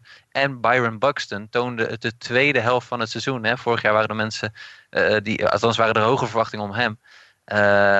tweede helft van het seizoen heeft hij best wel goed staan slaan. Uh, beter dan het eerste seizoen. Dus wellicht dat hij dit seizoen dan in één keer hè, met een schone lei uh, dan wel uh, die ontwikkeling van hem ja, laat zien op het veld. Nou, dan hebben we nog, als ik me niet vergis, een Europese rechtsvelder in, in Max Kepler. Duitser. Ja. Duitser, ja, ja precies. Ja, altijd positief om in ieder geval Europese honkballers even te belichten. en Logan Morrison is er ook Zelfs als het Duitsers zijn bedoel je? Of, Ja, ik maak geen onderscheid. Ik vind het gewoon leuk voor Europese honkbal. Kijk. Uh, nou, Logan Morrison is er ook bij gekomen als, als DH. Nou, prima hitter. Uh, en het eerste, het, uh, het infield ziet er dan vervolgens uit als met Joe Mauer op 1, Brian Dozier op 2. Nou ja, we kennen allemaal Brian Dozier, een prima All-Star kaliber tweede honkman. En, en Edwin Ed Escobar. en het linksveld... Eduardo. Eduardo. Eduardo, sorry, Eduardo. En derde honk Miguel Sano. En outfield is dan Rosario, Buxton en Kepler. Ja, ik vind het een, een roster wat, wat in ieder geval mee gaat dingen om de om de wildcard in, uh, denk ik ook wel. Ja, twee ja. probleempjes hebben ze. Twee kleine probleempjes. En dat uh, kleine probleempje nummer één is Erwin Santana, die nog 10 tot 12 weken uh, eruit ligt. Nou, dat zijn er nu geen 10 of 12 meer. Die is in de eerste week van februari is hij ja. geopereerd ja. aan zijn vinger. En toen zou hij 10 tot 12 weken missen. Dat is dus pak een beetje drie maanden. Dus die is tot half mei zeker weten eruit. Ja. En, en ja, een paar dagen geleden, Jorge Polanco, de sterk, jonge sterkkorte stop die is een sukkel geweest en die heeft uh, pillen in zijn lijf gestopt die hij niet in zijn lijf had moeten stoppen. En die is 80 wedstrijden geschorst voor uh, performance enhancing drugs. Dus ze moeten ook de helft van het seizoen zonder Jorge Polanco door. En dat maakt natuurlijk wel de weg vrij op korte stop voor Eduardo Escobar. Maar uh, dat is geen Jorge Polanco. Nee, en de, de, derde wilde ik nog toevoegen is misschien de Fernando Rodney experience. Als je het hebt over ja. Uh, ja, hoe, hoe erg mensen in spanning tot het einde van wedstrijden uh, willen blijven zitten. Het is misschien voor de sensatie wel leuk. Hè? Ik bedoel, Minnesota was jarenlang toch een wat saai team. Nou ja, wat leuke werpers erbij. Nou ja, de Fernando Rodney experience erbij. Het is... Uh, wordt hier een stuk, een stuk leuker om eens een keer Twins-wedstrijden aan te zetten. Precies, je weet in ieder geval dat het ERA zo boven de 4 gaat liggen. Maar vorig jaar had hij toch, geloof ik, ja, 39 dat... van de 45 saves. Had hij... wel mee. Ja. ja, dus dat. Uh, maar het is in ieder geval. Uh, ja, je gaat niet weg uh, in de achtste inning. Nee, nee precies. En, Altijd vergeet ook. Vergeet ook één sneaky, sneaky edition van de Twins niet. die hebben Michael Pineda hebben ze een tweejarig contract aangeboden. Ondanks dat ja. hij in 2018 niet gaat spelen. Want hij, hm. komt, hij komt bij van zijn, Tommy John, zijn tweede Tommy John operatie. Uh, maar die staat dus dat jaar daarna in ieder geval, als het goed is, wel fit op de heuvel. Dat is heel, heel sneaky slim gedaan door de Twins. Je ziet met de laatste tijd meer van dat soort deals, vind ik, in, in de Major Leagues. Ja. Uh, ik kan een aantal voorbeelden noemen. Nate Neovaldi. En er was er nog één. Pitchers. Ik even te denken. Of nee, komen ze meteen bij de Tampa Bay Rays. Zal ik er nog eentje verklappen? Kijk, spoiler. Hou even vast. Hou even vast. Um, volgende team dan, Jasper. En dan gaan we naar jou toe. Want uh, nou ja, het volgende team, daar ben jij toch wel de aangewezen man voor om daar wat over te zeggen. De Chicago White Sox. Ze hebben natuurlijk vorig jaar vaak erover gehad. Hè. Nou, dit is niet het jaar, hè, maar er komt veel talent aan. Uh, nou ja, goed, die minor leaguers, zoals je net in ieder geval zei, zijn goed bezig. Die hebben onder andere Dak Vister helemaal naar de Malamiezen geslagen. Ja. Maar de vraag is, in hoeverre gaat dat zich komend seizoen naar succes op het Major League niveau vertalen? Nou, dat gaat zich in principe nog niet uh, naar, uh, naar heel veel succes vertalen. Met de uitzondering, en ik ga mijn best doen om dit met, met zoveel mogelijk neutrale stem te zeggen. Wij. Dat ik serieus denk dat de White Sox beter gaan presteren dan 90% van de mensen denken. Inclusief de voorspellingen van eh Pecota. Die Hmm. eh, de White Sox op een ongelooflijk lage 67 wins hebben gezet voor Oeh. dit jaar. Nou, ik durf je te vertellen dat ze daar ruimschoots voorbij gaan. dat ik wel heel laag, zeker- ja. Dat is echt absurd laag. En dan nog worden ze niet laatste in de divisie, volgens Pecota. Maar dat is een ander punt. Is dit je ride or die voor de American League? De, nou ja, je zou, je zou het kunnen, haast kunnen zeggen. Want ik denk dat er vrijwel niemand is die, eh, die natuurlijk de White Sox eh, hoger dan eh, f- nou, plek 4 gaat inschatten zo'n beetje. Maar ik ga dat gewoon lekker eigenwijs wel doen. Ehm, in onze eh Sport Amerika eh, optel eh, Excel, die ik vorige week al even aanhaalde, eh, liepen zo één puntje mis om, eh, om derde te worden eh, in de divisie voor ons. Dus ze zijn ook volgens Sport Amerika de, de algemene standings, worden ze vierde. Maar 67 wins, dat gaat makkelijk lukken, joh. Dat, eh, daar gaan we makkelijk overheen. Ehm, naar dit team even, want dit is natuurlijk een heel fascinerend team. En dat zeg ik niet alleen omdat ik natuurlijk dit team heel erg van dichtbij volg, maar ook vooral vanwege het feit dat die natuurlijk dit, dit is nu een, een, een breekjaar een beetje. Vorig jaar zijn al die spelers verkocht die eruit moesten nog. Al die oude jongens, de Todd Frazier's, de David Robertsons, de, noem ze allemaal maar op. De Melky Cabrera's, allemaal verkocht. De enige die gehouden is, is eigenlijk José Abreu, de veteraan. En voor de rest is het eh, alleen maar eh, inpompen van jong talent geweest. En de gemiddelde leeftijd van dit team ligt dan ook echt absurd laag. Zeker als je Abreu eventjes aan de kant zet met zijn 31,1 jaar. Ook nog steeds niet super oud natuurlijk. Nee, Shields, eventueel. Ja, Shields, daar kom ik zo meteen op. Even vasthouden. Even, even, ja, even ademen. Uh, maar je hebt natuurlijk eigenlijk een hartstikke jong team. Hè? Met, met, uh, en met heel veel talent ook. Want ik bedoel, Johan Moncada, vorig jaar rond deze tijd nummer 1 prospect in baseball. Uh, door meerdere mensen in deze podcast aangewezen als mogelijk Rookie of the Year.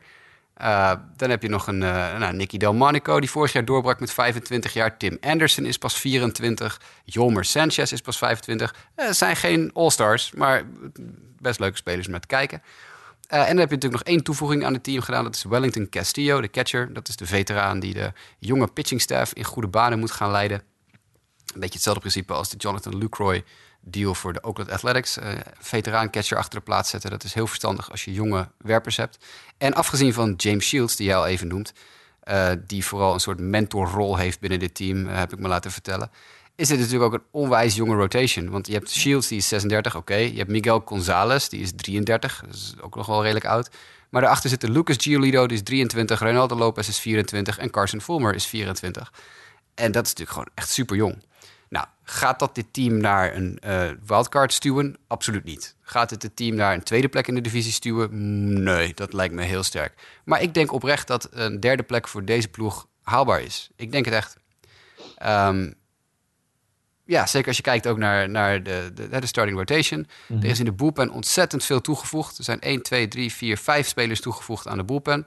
Uh, wat ook wel verstandig is, waaronder Joaquim Soria, de bekende uh, Mexicaanse closer.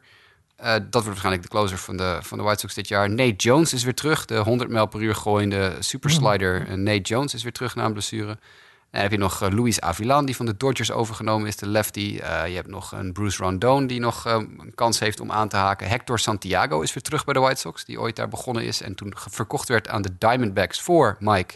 Ah. Oh, nu ga ik Jaren af, geleden al. Nu ga ik af, hè?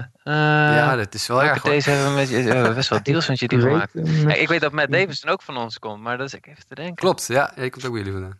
Nee, Hector oh, Santiago, die is... Nee. Ja, ja, Adam Eaton. Ah, hey, ah, ja. Yes. Het was een, een three-team... te kijken, maar dat was te vroeg, geloof ik. Ja, ja nee, het was een three-team deal inderdaad. Santiago, uh, Tyler Skaggs was daar ook bij betrokken, geloof ik, ja. uh, voor de Angels. Uiteindelijk is, geloof ik, Hector Santiago is één dag bij de Diamondbacks geweest... en toen doorgestuurd naar de Angels in ruil voor Tyler Skaggs. En de White Sox kregen Adam Eaton voor Santiago terug. En nu is Santiago weer terug op het oude nest. En dat vindt hij zelf heel leuk, vertelde hij in een uh, interview van de week. Hij heeft het ontzettend naar zijn zin. En staat absurd goed te gooien in springtraining. Dus die gaat zeker weten ook een plek in de bullpen veiligstellen. Ja, wat heb je dan nog meer? Heb je Carlos Rodon nog, die natuurlijk het uh, seizoen begint. Ex-Honkbalweek ook weer, Carlos Rodon. Die het seizoen begint op de DL met een schouderblessure. Een schou schouderoperatie eind vorig jaar. Die uh, is er nog wel uit tot uh, mei ongeveer. Maar goed, dat team gaat dus geen hoge ogen gooien waarschijnlijk. Maar wel de toevoegingen die gedaan kunnen worden aan dit team. Want verwacht binnen uh, een maand ongeveer Michael Kopech in de Major League. En ja, ik denk dat dat gewoon een moment wordt dat we met alle honkballiefhebbers inschakelen en gaan kijken hoe Michael Kopech het doet in zijn debuut in de Major League. Want dat is dus ook weer een van de beste werper prospects die we rijk zijn in de majors. Uh, ja, dat is het eigenlijk wel. Dat is mijn verhaal eigenlijk wel een beetje. Dit, dit jaar. En, en Elo Jimenez dan nog op de... Ja, die, ik weet niet of hij het gaat halen. Als hij het gaat halen, dan moet hij gewoon lekker, lekkere start hebben in AA en AAA. Mm En dan zien we hem in augustus. En dat zou leuk. Ik zou hem natuurlijk liefst eerder zien nog, want dat vind ik alleen maar leuk. En Eloy Jimenez is een, echt een beest, een beest van een slagman. Um, maar ik, ik, ik vrees, ik ben een beetje bang dat, die, uh, dat ze gewoon bij de White Sox zeggen... joh, lekker uh, in september kom je maar een keer een maandje meeballen en dat is het. Ik hoop, ik hoop het niet. Ik hoop dat hij eerder komt. Maar ja, dat, uh, precies. Gewoon dat de druk inderdaad omdat niet heel erg op ligt dat er gepresteerd moet worden. Dat is precies, wel precies. Ja, en ja. verder heb je natuurlijk geen All-Stars in dit team. Ja, Moncada kan in theorie een All-Star worden. Avi Garcia was vorig ja. jaar een All-Star. Jose Abreu kan het worden, maar daar houdt het wel een beetje mee op. Um, wel weer ook iemand voor de shortlist van de Rookie of the Year. Namelijk Lucas Giolito. Want die staat echt, die stond vorig jaar, eind van het jaar, echt ontzettend goed te gooien in de majors. En heeft dat in spring training eigenlijk ook alleen maar gedaan. Dus Lucas Giolito gaat op de shortlist voor Rookie of the Year. Met, uh, wie had ik al gezegd, Willy Calhoun en uh, Francisco Mejia. Oh, kijk. Kijk, nou, het zijn al, dan wordt er niet eens een shortlist meer hè, op deze manier. Zullen we nee, er ook nog op gooien? Je niet? kansen. Ja, je joh, kansen. ja, ja dat, dat, mag voor mij ook wel. Dat, uh, dat hebben we in ieder geval kan je aan het einde van het jaar nog het eruit knippen en zeggen: Kijk, ik heb deze naam genoemd. Dat, uh, ja, gooien, we, gooien we Michael Kopek er ook nog op voor de. Precies, doen we dat meteen. Doen we dat meteen. Dan gaan we ook meteen door naar het volgende team. Want, uh, nou, Jasper, je zegt het net, hè, misschien de White Sox in contention voor die derde plek. En één team wat ze dan waarschijnlijk moeten gaan pakken, waar dat misschien een beetje om zal gaan spannen. De Kansas City Royals. Ja, nog niet zo heel lang geleden wonnen ze de World Series, Mike inmiddels uh, ja, een beetje met beide beentjes weer op de, op de grond beland. En uh, ja, ik weet niet zo heel goed wat ik ervan moet vinden. ik weet niet of jij er wel een gevoel bij hebt. Kan je, er maar... een, kan, kan, je het een naam geven? wat ja. je ervan vindt? Moi, nee. Ja, oké. Okay, ja, nee, dat, dat, ja, het is, het is uh, staying put, zou ik het een beetje willen noemen.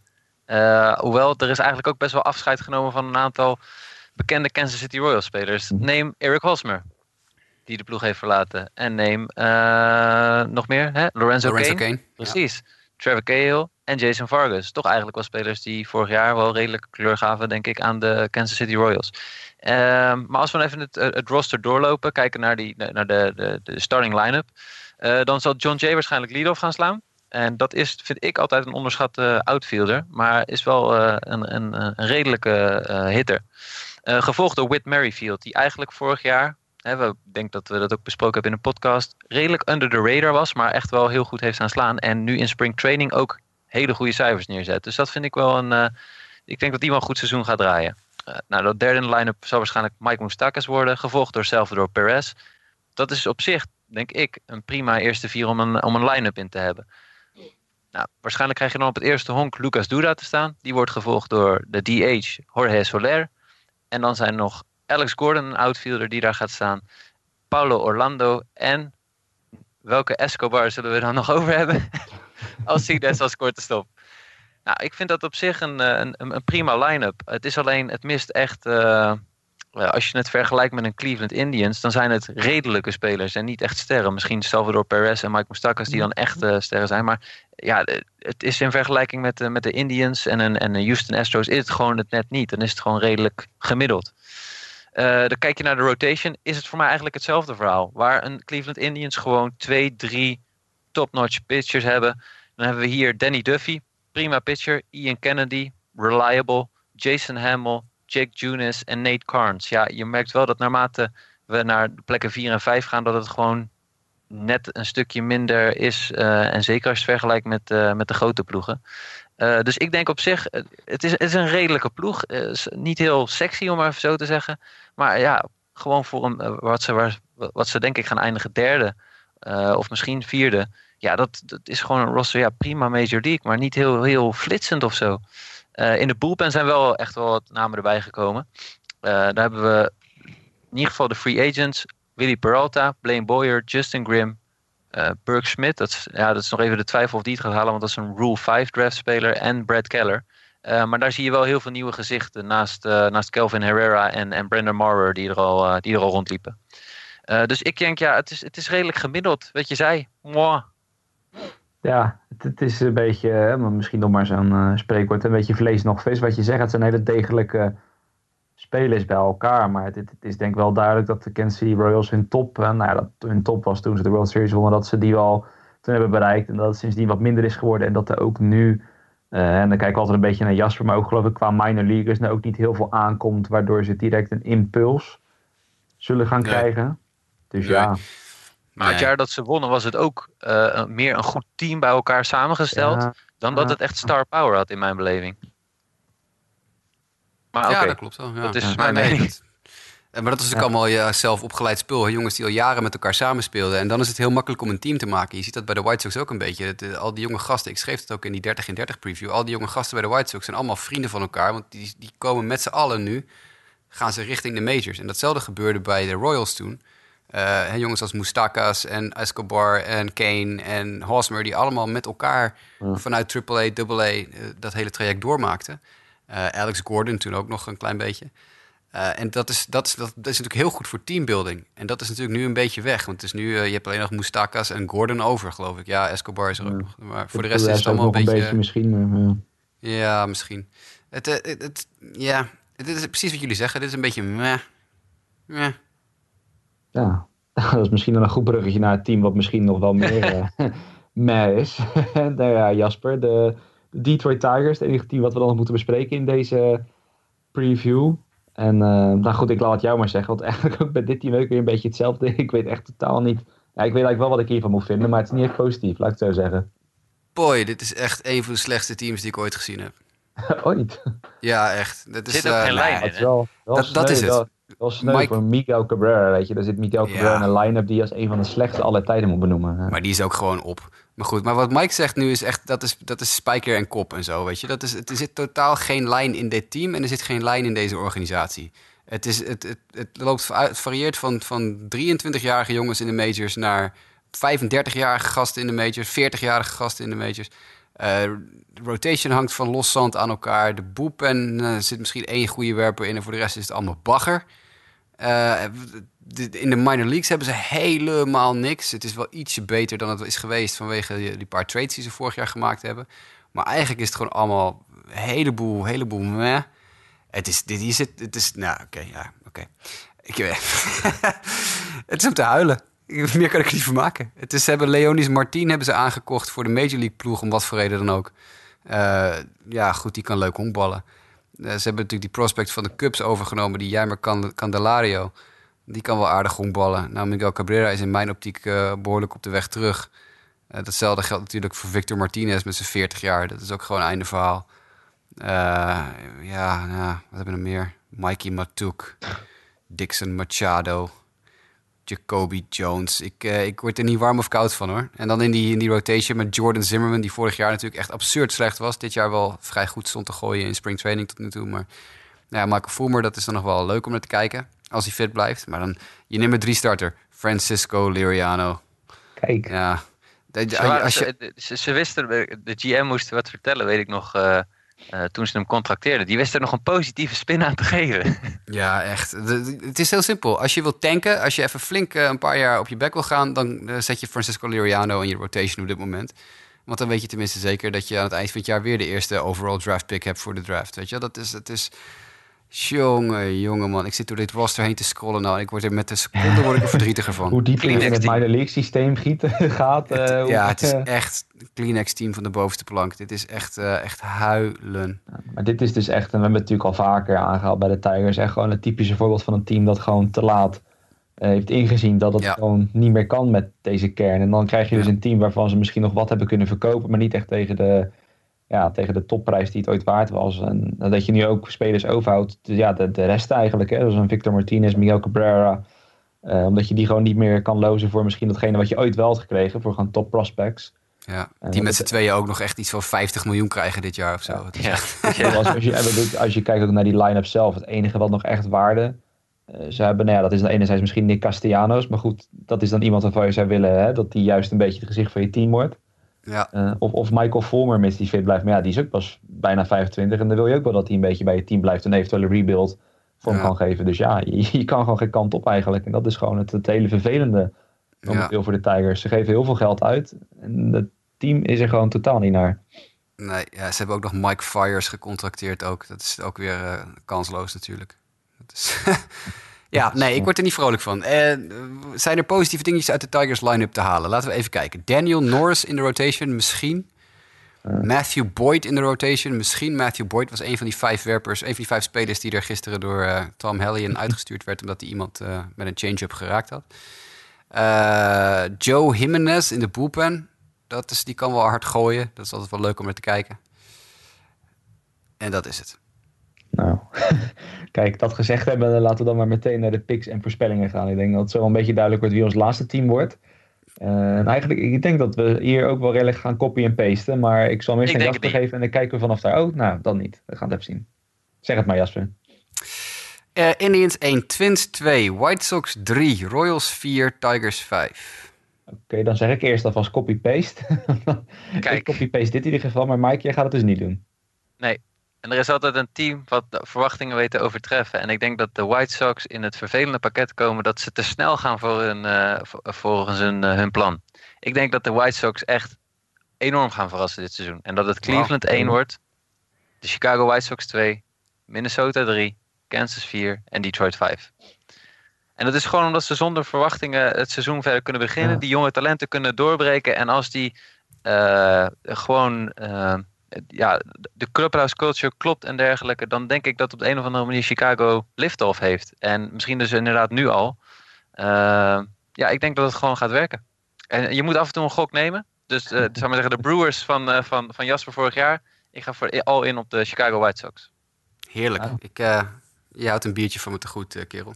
Nee, ik, ik, Ja, ik heb liever dat ze het waarmaken. Ik heb liever dat ze eh, het waarmaken. Dan, dan, dan ga ik wel zeggen dat de White Sox eerste worden gewoon voor de. Maar, Nee, ik, ik heb liever dat ze het gewoon waarmaken. ja. Dus ik hoop gewoon dat de White Sox serieus eh, weten te verrassen. Maar er is altijd een team dat enorm snel goed van start gaat. En dan, eh, hè, zoals de Twins vorig jaar. Eh, ja, ik verwacht dat eh, de Chicago White Sox dit dit jaar gaan zijn. Nou, ik vind het leuk. Nou, dat gezegd hebben en eh, Jasper in een good mood, eh, denk ik zo. gaan we naar de, naar de AL East. Misschien wel altijd de meest, nou ja, misschien wel, ik denk wel de meest gehypte divisie. Elk jaar. Eh, vooral door twee zekere teams uit het Noordoosten natuurlijk. De Yankees en de Red Sox. Maar goed, er doen nog drie andere teams mee. En we hebben in het verleden gezien dat die ook wel aardig mee kunnen ballen over het algemeen. Dus het hebben over Most Improved Teams in de AL East. Mike, begin ik bij jou. Wat zie je als Most Improved Team hier? New York Yankees. En heel Ja, simpel, Giancarlo daar- Stanton. Ja, Ja. ik bedoel, eh, en, en, nee, en Brandon Drury. Maar ja, en Neil Walker. Ja. Ja, nee, maar vooral, ik vind vooral Stanton en Drury zijn een grote stap voorwaarts voor de Yankees. Maar daar zal ik zo meer eh, voor, over vertellen. Ja, ja ik, ik zal alvast zeggen dat ik het daar volledig mee eens ben hoor. Jasper, jij ook? Ja, kijk, als je, als je de NL MVP binnenhaalt, dan ben je met, meteen ben je de meest improved team. Dat kan niet, kan niet anders. Leuk hoor dat de Red Sox JD Martinez er nog bij halen, maar ja, dat was niet een MVP. Dus eh, ja, eens. Ja. Nou ja, hij was misschien vorig jaar wel een MVP in de harten van Diamondbacks fans. Hè? Maar inderdaad, als je objectief bekijkt, Dat wel, ja. dan, eh, Ja. dan is inderdaad Giancarlo Stanton de grote vangst van de Yankees. Laten we dan maar meteen met de Yankees beginnen, Mike. Want vorig jaar verrasten ze in positieve zin. Want iedereen dacht van, nou dat duurt nog wel een jaartje voordat ze er echt weer zijn. Maar ze waren er al. Ja, en dan voegen ze nou nog eens Stanton toe. Wordt dit echt het team te beat in deze divisie? Ja, dat denk ik wel. Iedereen verwacht dat ook. Zeker met het halen van Stanton was gelijk, wist je gelijk, oké, de Yankees zijn gelijk de clear favorite in deze divisie.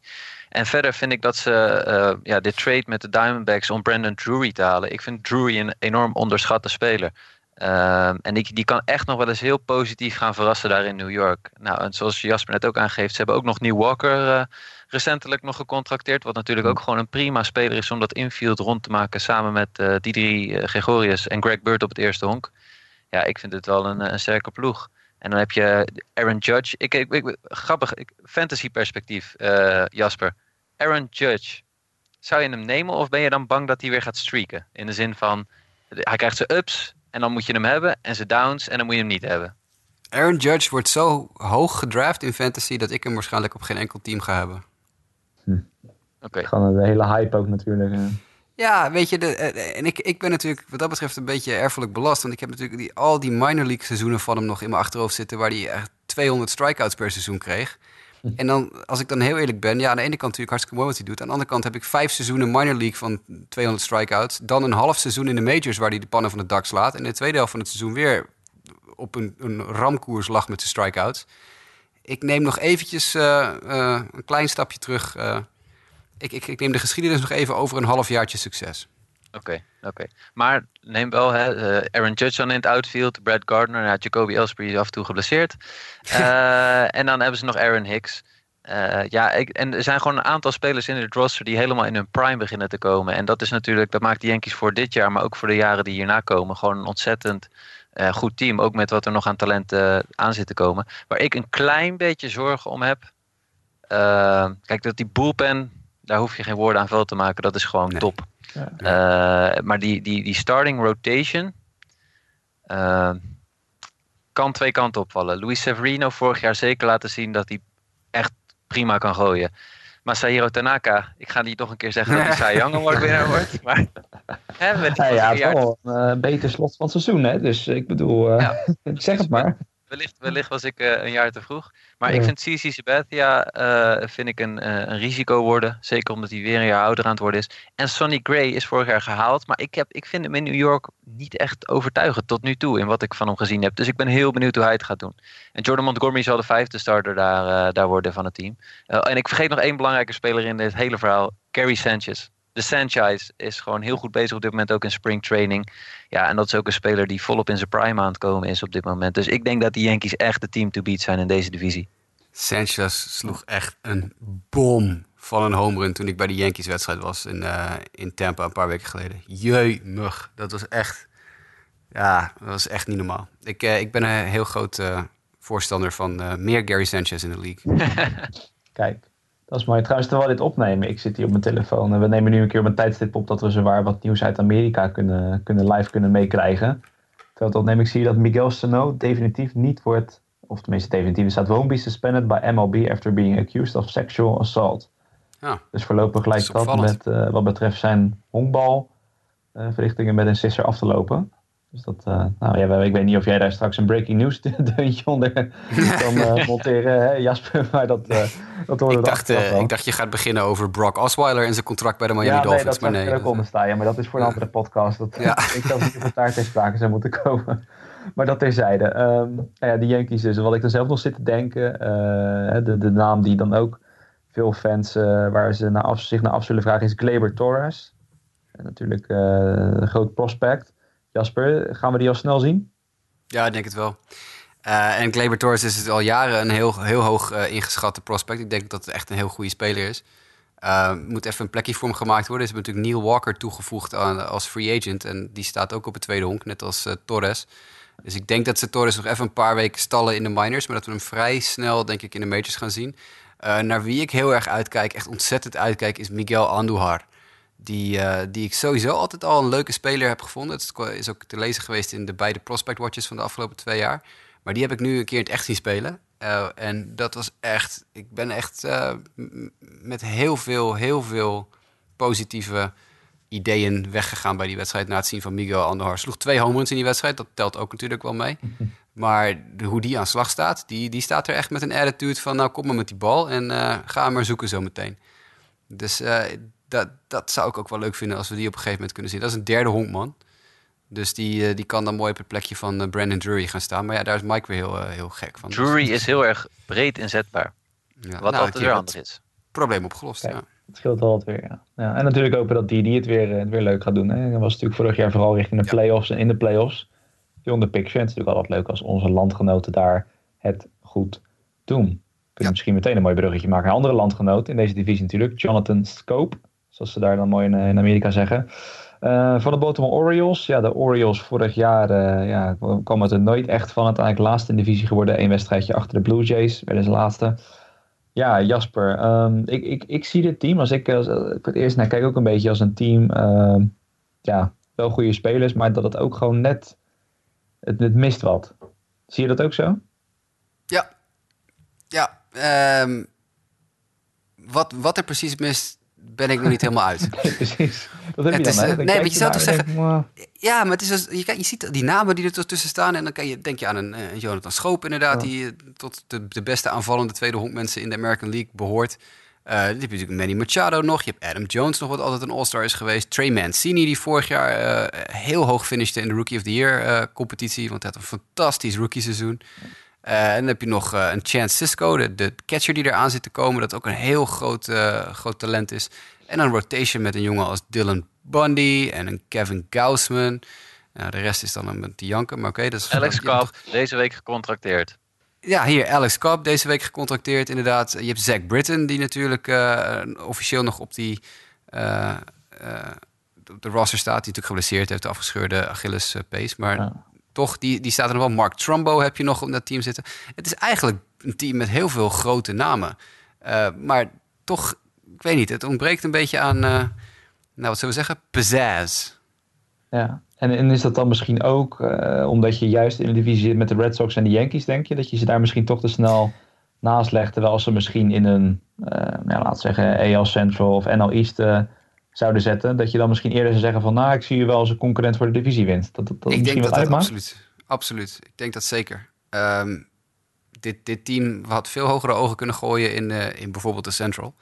Ehm, maar ja, ook gewoon puur even, ik zit het lijstje even door te scrollen of ik nog iets kan vinden waar ik eh, iets heel positiefs over kan zeggen. Tim Eh, Beckham, toen hij overkwam van de Orioles, was ja. heel positief. Ja, dat wel. Of Orioles, toen hij Van de overkwam Rays, van ja. eh, ja, de race. Ja. Ja, ik, wilde, ik, zat naar, ik zat te zoeken naar Austin Hayes. Dat is eh, een outfielder, een, eh, een prospect die vorig jaar ook al een klein heel kort periodetje eventjes in de majors heeft gespeeld. En die gaat op een gegeven moment ook eh, opgeroepen worden, denk ik. En nou, vooruit dan maar, gooi hem op de Rookie of the Year shortlist. Ja. Nou ja, hij is al sowieso, als je kijkt naar die outfielders daar, ze hebben nu, nu staan zowel Alex Presley als Kobe Rasmus erop, als non-roster invite. Dat ze outfield plekken gaan bemannen voor nu. Dus je zou zeggen dat er op termijn in ieder geval wel ruimte daarvoor hem is. Ja. Als die het, eh als Ik- die het ik heb- waarmaakt. Ik, eh, ik heb nog wel één interessante vraag over deze roster. Ik zie dat Chance Cisco de backup catcher is. Ja, Ik ben officieel. benieuwd of hij een Cisco song heeft als walk-up song at the plate. dat hoop ik wel. Ja. Nee, maar ik denk ook niet dat hij echt, eh, echt de backup is hoor. Caleb Joseph staat als starter, maar ik denk dat ze serieus dat het echt een eh, een 50-50 split wordt. En dat dat best wel eens heel snel in, de, in het voordeel van Cisco kan gaan uitpakken. Oké. Ja, dat is Ja, Cisco, wel- Cisco is de toekomst. Hè? Caleb Joseph is 32 bijna. Cisco is 23. Eh, dus er is geen enkele reden voor de Orioles om in dit seizoen Caleb Joseph alle starts te geven. Dat slaat nergens op. Nee. Nee, dat, eh, dat lijkt me nou duidelijk. We hadden trouwens nog wel een, eh, een eh, leuke vraag binnen van eh Volkert Harmsen. Volkert had trouwens sowieso wel, wel veel goede vragen, maar daar komen we later nog op. Hij had eerst een vraag over de Orioles. En Manny Machado natuurlijk, veel besproken. Hoort ook bij die free agent class die eraan gaat komen. En zijn vraag ja, heeft er ook een beetje mee te maken. Want hij vraagt zich af, wanneer vertrekt Machado? En zo ja, naar wie? Jasper, wat denk jij? Na het seizoen naar de Yankees. Kijk, dat zal, eh, ik denk dat dat echt wel een nachtmerrie is van de Orioles fans. Ja. Maar, eh, ja, Mike, Daarom denk ik ook niet dat hij tussentijds gaat. Want er zijn heel weinig andere teams waar hij naartoe getrade kan worden. Eh, omdat iedereen weet dat hij graag naar de Yankees wil. Hij heeft ook nog allemaal eisen over welke positie hij wil gaan spelen. Nou, ik denk dat hij die voor de Yankees wel aan de kant wil schuiven... als hij een dikke, vette free agent deal krijgt aan het eind van het jaar. En de Orioles gaan hem nooit naar de Yankees traden. Dat gaat nooit gebeuren. Nee, dat gaan ze natuurlijk niet. Vooral stel dat ze dit seizoen competitief zijn, dan, dan zouden ze natuurlijk hun eigen doodvonnis als het ware eh, optekenen. Dus, Mike, zie, zie jij het ook zo in? Dat het zo ongeveer gaat verlopen? Ja, ik had even gekeken naar waar ik nou eigenlijk een fit zie voor hem om naar een contender te gaan gedurende het seizoen. En die zag ik eh, zelf niet zo 1, 2, 3. Dus ik denk ook dat die na het seizoen pas, eh, pas weggaan. Ook de Orioles verkopen ook eh, heel moeizaam spelers. Althans, die willen er goed geld voor terug hebben of goede prospects. Dus dat kan ook nog eens een uitdaging worden. Eh, maar laat ik een dark horse noemen, de Toronto Blue Jays. Eh, die hebben geld en die hebben vacatures na eind dit seizoen. Dus ik zie dat misschien ook nog wel gebeuren. Ja, Ja. Geen, gekke, geen gekke suggestie. Nee, nou ja, het is. eh, ik, ik vrees een beetje voor het, eh, voor het scenario wat Jasper optekent. Maar het kan natuurlijk ook weer de andere kant op werken. Van Baltimore gaat verlopen. Kijk, stel dat het, eh, to- toch een beetje uit elkaar valt. Dat het niet helemaal hiervan net loopt. En dan de wildcard toch al, nou ja, laten we zeggen, op eh, de halverwege seizoen. Dat zelfs dat al een beetje lastig verhaal lijkt te worden. Ja, dan kan je misschien de situatie krijgen. Oké, misschien niet dat ze hem aan de Yankees willen verkopen. Maar dat dan toch een ander team eh, aardig diep in het buiten wil tasten, juist om de Yankees voor te zijn. Alleen dan is de vraag, ja, die willen natuurlijk dan wel een belofte dat Machado daar wil blijven waarschijnlijk. Want anders dan zou je voor, voor een half jaar wel heel veel opgeven. Aan de andere kant, dat gebeurt wel eens, dus je weet het nooit. Dus dat zou zomaar kunnen, maar dat hangt dan denk ik wel erg vanaf hoe het uh, Orioles seizoen verloopt. Ik denk zolang zij meedoen om in ieder geval wildcard, dat zij zoiets hebben van, nou goed, we hebben nou eenmaal een van de beste spelers. eh, op ons roster staan we ermee om een wildcard. Die moeten we er gewoon bij houden, no matter what. En wie weet wat er in de playoffs gebeurt. Ik, ik, ik verwacht er dan niet zoveel van, maar hè, we, we hebben gekkere dingen gezien in het honkbal wat dat betreft. Dus ik denk dat het gewoon heel erg uh, ja, daarvan afhangt wat er uiteindelijk met Manny Machado gaat gebeuren. Mike, ik merk wel dat jij dan nu zelf al een beetje brugjes probeert te maken. Want ja, dan hebben we de Toronto Blue Jays. En die staan heel toevallig als volgende op het draaiboek. Dus we kunnen meteen naar de Blue Jays gaan. Uh, nou, nu nog uh, geen Manny Machado als shortstop. Uh, nu staat er Miss Diaz erop. Maar ja, verder dit team. Vorig jaar was het toch wel teleurstellend. Konden ze niet aan de verwachtingen voldoen. Hoe zie jij dat voor komend seizoen? Ja, ik denk dat het eigenlijk alleen maar beter kan gaan voor de Toronto Blue Jays. Ja, dat...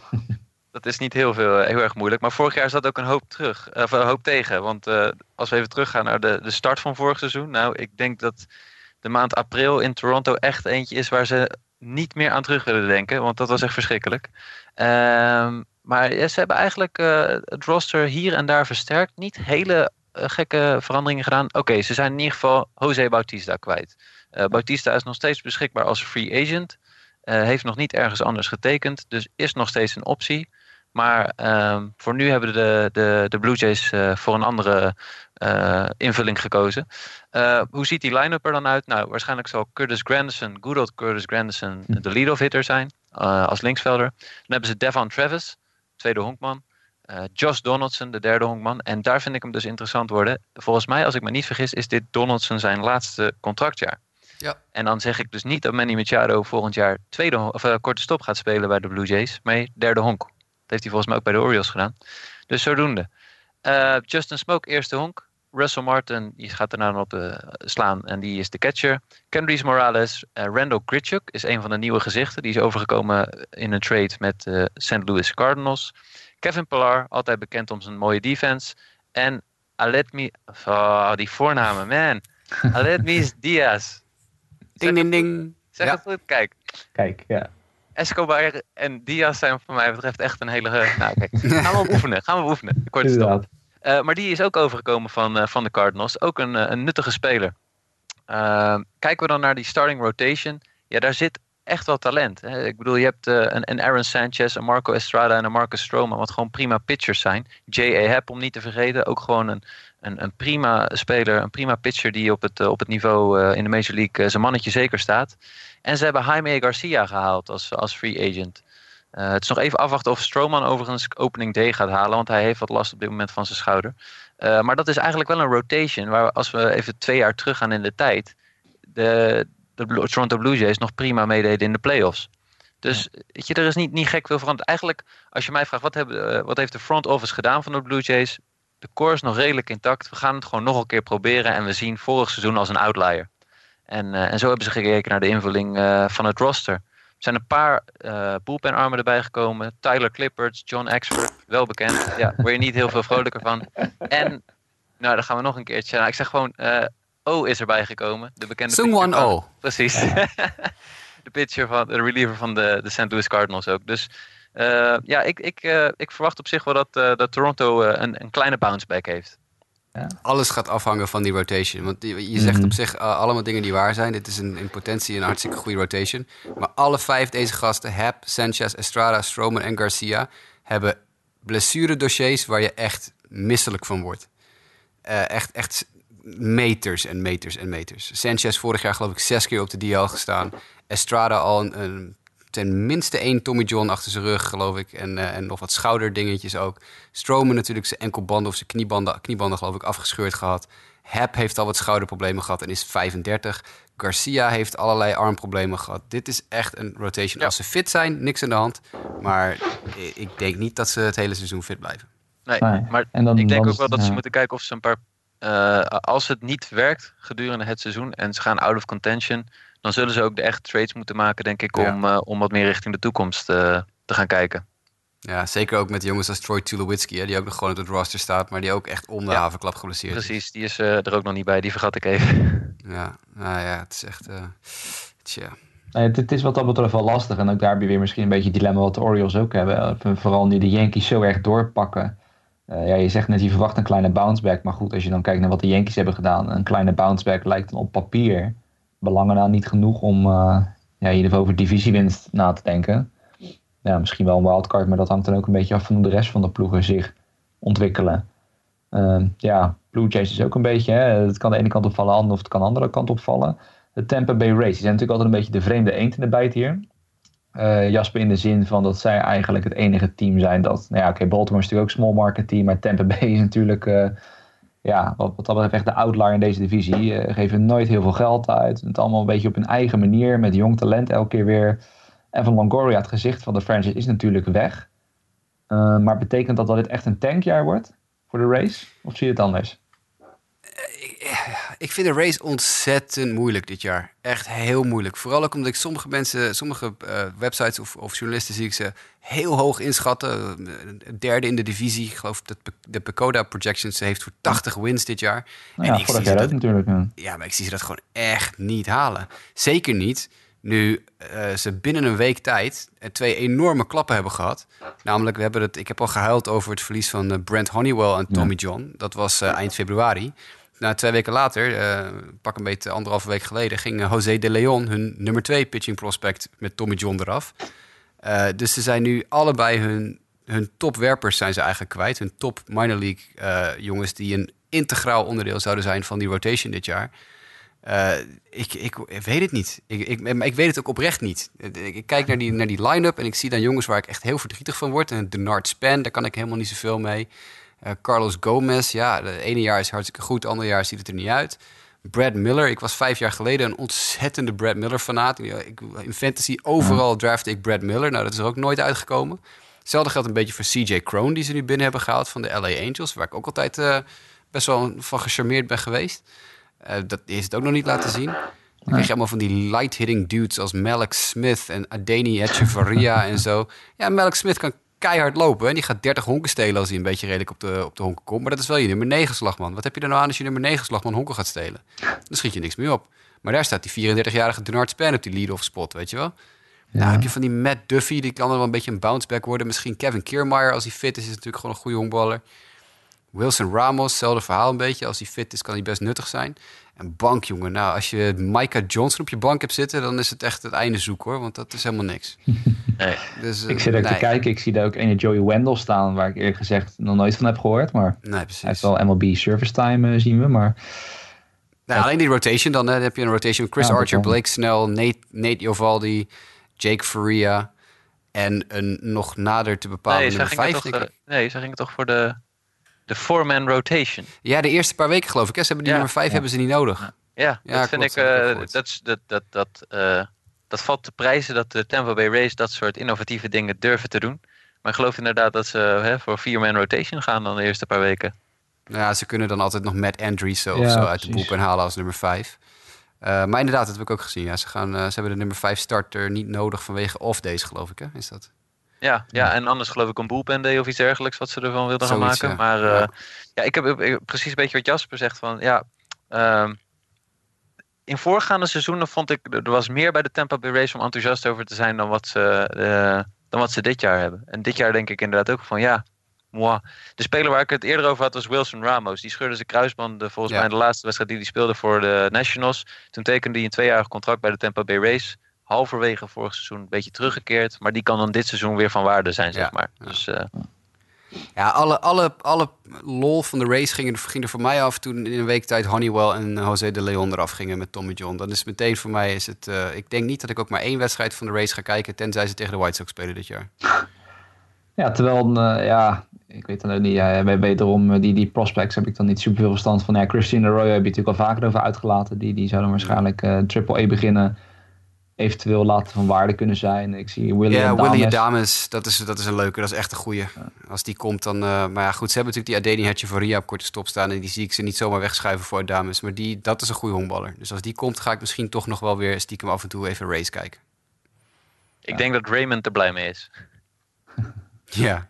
oh, en uh, Anthony Banda. Ja, die naam ja. die, die komt bij Mike zijn, uh, zijn clubje vandaan. Dat klopt. en, ja, dat was uh, ongeveer het enige talent wat er nog was in Arizona, is naar Tampa Bay gegaan in Anthony Banda. Ja, klopt. Ja. Dus die, die kan nog wel ook naar de rotation uh, geschoven worden. En die zie ik ook nog wel redelijk aan kunnen haken. Ja, dus, denk ik ook. Denk ik ook. Ja, voor, voor, voordat we dan doorgaan, je zegt net die rotation. Uh, Chris Archer natuurlijk nog steeds de absolute ace. Inmiddels toch alweer 29 jaar. Uh, je zou bijna vergeten, maar ook Chris Archer wordt langzaam een dagje ouder. En hij zit nog steeds bij de race, ondanks dat hij elk jaar wordt gelinkt aan allerlei topploegen. Dus Volkert Harmsen, die had ook hier een vraag. Een beetje hetzelfde als met Machado. Hoe lang blijft Chris Archer nog bij de race? Hoe lang blijft hij nog uh, ja, bij dat kleine marketteam? Voordat hij misschien toch ooit een stap gaat maken naar een uh, groot marketteam, Jasper? Tot uh, 30 juli 2018. Kijk, dat is wel heel specifiek. Ja, hij gaat voor de trade deadline. Als de race slim zijn, zeker nu ze die twee andere pitching prospects kwijt zijn het is tijd voor Archer om, uh, om verkocht te worden. In dezelfde, dezelfde principe als vorig jaar uh, Sonny Gray van de Athletics naar de Yankees is gegaan. Uh, Jose Quintana van de White Sox naar de Cubs.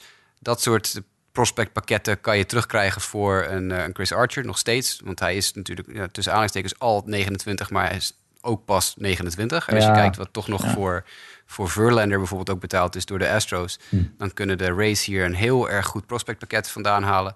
En dat gaan ze, met hem gaan ze toch niet meer uh, competitief worden de komende jaren. Want er moet nu even een beetje gesloten worden aan die line-up. Dus uh, ja, 30 juli 2018, de dag voor de trade deadline, uh, is hij weg. Kijk, nou ja, het is ook inderdaad wel logisch in de zin van, vooral wat je net zegt, Honeywell, de Leon weg. Nou ja, Tommy John ervan uitgaande dat ze dan over, het, over twee jaar echt op in aller top zijn. Uh, ja, dan is Archer, dan is Archer ook weer twee jaar verder weg. Is gewoon niet echt realistisch, denk ik, om te verwachten dat hij dan nog steeds die groep gaat leiden. Uh, Precies. Zou je er beter op in kunnen zetten van hè, probeer misschien nog een pitching prospect, echt een hele goede ervoor terug te halen. Misschien twee die dan later aan kunnen sluiten, aan kunnen haken. En dat je dan gewoon, uh, nou ja, misschien dat Blake snel zich dan even ontwikkelt als de echte leider daar. Dat de rest lekker de achterplaats kan nemen en het is wel, ja. een immense rotation kan bouwen. Het is wel een heel prettig contract voor om, om te kunnen dealen, zeg maar. In de zin van, uh, uh, het is een hele goede pitcher die niet veel kost. En die je in principe tot 2021 nog onder contract hebt staan. Uh, want hij verdient dit seizoen nog zes, iets meer dan 6 miljoen, volgend jaar 7,5. En daarna heeft hij twee opties in zijn contract zitten voor iets meer dan 8 miljoen. Nou, en voor een pitcher als Chris Archer is daar best wel veel, kan je best wel wat prospects voor terugvragen. Ja, ja, dat sowieso. En ik denk wel dat hij een beetje wel... Ik wil hem ook wel graag zien een keer bij hem. Wat, ja, niet dat de race... je wil nou zeggen een slecht team zijn of zo. Maar ja, de race zijn toch de afgelopen jaar niet echt competitief meer geweest binnen de divisie. Ondanks dat ze vorig jaar even een leuke reeks hadden. Maar ja, ik, ik wil Chris Archer wel eens een keer zien bij een team dat er echt gewoon om de, prijzen meedoet. Dat lijkt me wel leuk om te zien uh, hoe dat dan gaat aflopen. Dat gezegd hebbende, komen we aan bij het laatste team eigenlijk in, uh, in, in deze divisie. We hebben het eerder over de Yankees gehad. Nou, het andere, toch wel mega gehyped team kunnen we stellen. De Boston Red Sox. Um, die we natuurlijk tot het einde hebben bewaard, zodat alle Red Sox fans die in Nederland zijn uh, de hele uitzending hebben moeten luisteren. Dat precies. ook. Ja, dat is toch een beetje ver verkapte vorm van uh, ja, clickbait in podcastvorm ja. het ware. uh, nou ja, Mike, ik, ik ga met jou geven de Boston Red Sox. Iedereen gaat natuurlijk letten op de Yankees tegen de Red Sox. Hoe, hoeveel, hoeveel kans zie jij dat ze die strijd kunnen gaan winnen? Ik denk dat ze echt wel een reële kans hebben om die te gaan winnen. Want het is gewoon nog steeds wel een, een sterk roster. Uh, zeker met de toevoeging van JD Martinez is het team er niet slechter op geworden. Dat is gewoon een prima versterking geweest. Uh, als je mij vraagt, waar zit het verschil tussen de Yankees en, en, en, de, en de Red Sox? Ja, ik ben wat minder overtuigd van de, van de starting rotation. Uh, Chris Sale, David Price, Rick Porcello, Brian Johnson en Hector Velasquez staat er nu bij. Ik geloof dat er nog een aantal spelers nog geblesseerd zijn, als een Drew Pomeranz dan. Ja, ja en uh, Steven Wright. Steven Wright ja. ja. en Eduardo Rodriguez. Nou, in ieder geval gaat dat in het verschil, het, uh, of in het begin het verschil maken, denk ik, in de eerste paar uh, weken. Um, maar verder, ja, de, de, Red Sox zijn de Red Sox. Het is gewoon een, een, een sterk roster. Laten we de namen heel kort doornemen. Mookie Betts, Andrew Benintendi, Henley Ramirez, JD Martinez, Xander Bogaerts, Rafael Devers, Eduardo Nunez, Christian Vasquez en Jackie Bradley Jr. Ja, uh, er zijn heel wat teams die jaloers zijn op zo'n line-up. Dus de Red Sox zijn gewoon een prima uh, sterk team. Uh, en die zeker ook mee gaan doen om die titel. ik, ik schat alleen de Yankees net, met name met het halen van Stanton, net wat hoger in. Maar dat, is, dat kan kop of munt zijn ook op iedere dag, denk ik. ik weet niet hoe jullie daar naar kijken. Ik had het van de week even met Jurian over, onze Sport Amerika collega en, en Red Sox correspondent. Die, uh, er zijn nog een, hele, een paar hele interessante dingen bezig nog met, uh, met het, uh, het Red Sox roster. Dus ze hebben bijvoorbeeld nu op dit moment drie catchers op een, op een starting, op een starting line-up Oh, staan. ja. dat is natuurlijk een beetje te veel. En ze hebben Christian Vasquez, Sandy Leon en Blake Swihart. En dan kom je met het probleem dat ze alle drie geen opties meer hebben. Dus ze kunnen niet meer teruggestuurd worden naar de minors. Dus als je ze naar de minors stuurt, moet je, moet je ze DFA'en. En dan kunnen andere spelers, andere teams kunnen ze claimen. Dus dan ben je ze kwijt als je een beetje pech hebt. Uh, en daar zit dan ook nog een beetje natuurlijk het element bij dat ze natuurlijk heel gek zijn van, van Swihart, die een voormalig top prospect is en ook pas bijna 26 is, nog vrij jong. Sandy Leon, die fantastisch speelde vorig jaar. Christian Vasquez, die eigenlijk de startende catcher is. Dus er zijn hele rare dingen nog bezig met dat roster nog. Maar dat terzijde, dat lossen ze vanzelf op. En het zijn de Red Sox en die hebben geld genoeg om, en, en mogelijkheden genoeg om dat op te lossen. Ik, ik deel de, de zorgen van Mike over de rotation. Want los van Sale en Price, en ik denk dat Price echt een bounce-back jaar gaat hebben dit jaar hoor. Dat, eh, dat wordt uh, genieten. Uh, denk dat uh, Porcello heb ik nooit in geloofd. Zelfs dat Cy Young Award seizoen van hem, dat toch ook helemaal nergens op. Dus dat, uh, dat heb ik nooit gekund. Nee. En dan inderdaad jongens als Brian Johnson, Hector Velasquez, Steven Wright, Drew Pomeranz. Ja, zeker als ze geblesseerd zijn. ga ik daar maar iets van achter mijn oren krabben. En, en ook natuurlijk Dustin Pedroia, die ja, voor de aanval nog precies. eigenlijk... Huppakee, de tweede honkpositie min of meer automatisch gaat krijgen op het moment dat hij ja. terugkomt. Ik heb liever Eduardo Nunez op twee op dit moment dan Dustin Pedroia. Want Dustin Pedroia is gewoon klaar. Dat is gewoon af. Ja. Nou ja, duidelijk. Het wordt in ieder geval heel erg uh, interessant. Leuk aspect is trouwens nog. En uh, nou ja, Volkert Harmsen, wederom bedankt Volkert voor je vragen. Die herinnerde ons uh, daar min of meer aan via de mailback-vraag van hem. Want ja, zowel de Red Sox als de Yankees natuurlijk super onervaren managers. de Yankees kozen voor Aaron Boone, die vanuit de broadcast booth van ESPN werd gehaald om manager te worden. Terwijl de Red Sox anderzijds voor Alex Cora kozen, die natuurlijk de titel met de Astros meemaakte als assistent ja, is dat een. Uh, in hoeverre nemen de Red Sox en de Yankees een risico in mee? Vraagt hij zich af. Jasper, dan begeef ik hem eerst aan jou. Ja, het is wel een risico natuurlijk. Het altijd een risico. Maar we hebben wel gezien de laatste paar jaar dat, uh, dat jonge managers best een heel verfrissend, uh, verfrissende blik kunnen werpen op, op, op een, een honkbalteam. Ik denk dat de Red Sox een iets veiligere keuze hebben gemaakt met Cora. Omdat Cora natuurlijk weliswaar weinig, maar wel al iets uh, aan ervaring heeft op kunnen doen door AJ Hinch dus, uh, benchcoach te zijn bij de Astros. En AJ Hinch is natuurlijk een van de beste managers uh, in de hele Major League.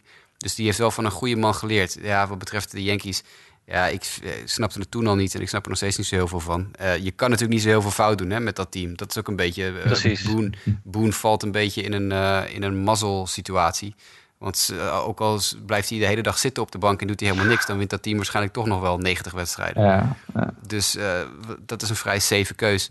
Ik, ik, ik geloof dan meer, als je het hebt over jonge managers, dan ben ik meer gecharmeerd van een Philadelphia Phillies die een Gabe Kapler uh, aanschaffen, die al een paar jaar in de minor league aan het ervaring aan het opdoen was en die nu als jonge, frisse, analytisch georiënteerde coach aan de gang gaat ik vond dit een beetje popiopie hires. Zowel Boone als Cora, die natuurlijk bij die clubs een uh, geschiedenis uh, hebben. Ja, aan de andere kant, uh, deze teams zijn meer dan goed genoeg dat ze aan, aan een manager heb je. Ze hebben meer aan een manager die het team goed bij elkaar kan houden dan een manager die echt tactische keuzes gaat maken, denk ik. Ik denk dat ja. het verschil, als het verschil van een manager moet blijken, dat dat dan vooral ook in de postseason zal zijn dan drukt een manager echt in mijn beleving heel erg zijn stempel op hoe die omgaat in die games, de game time decisions, als de druk er echt op staat. Nou, uh, kijk naar Hinch en naar uh, uh, Roberts vorig jaar in de World Series inderdaad. Ja, en ja, ik, ik ben benieuwd wat, wat Jasper zegt. Ik denk met deze rosters moet het heel gek lopen, willen ze eigenlijk allebei heel slecht presteren. Dat verwacht ik niet. Ja. Ja, misschien nog trouwens wel een leuk aspect nog als het even kort over die coaches nog, uh, nog heb, dat ik dan wel zie hier. Dat de Red Sox op zijn minst nog wel iemand ernaast hebben die ervaring heeft in Ron Renneke. Natuurlijk zelf ooit uh, manager geweest.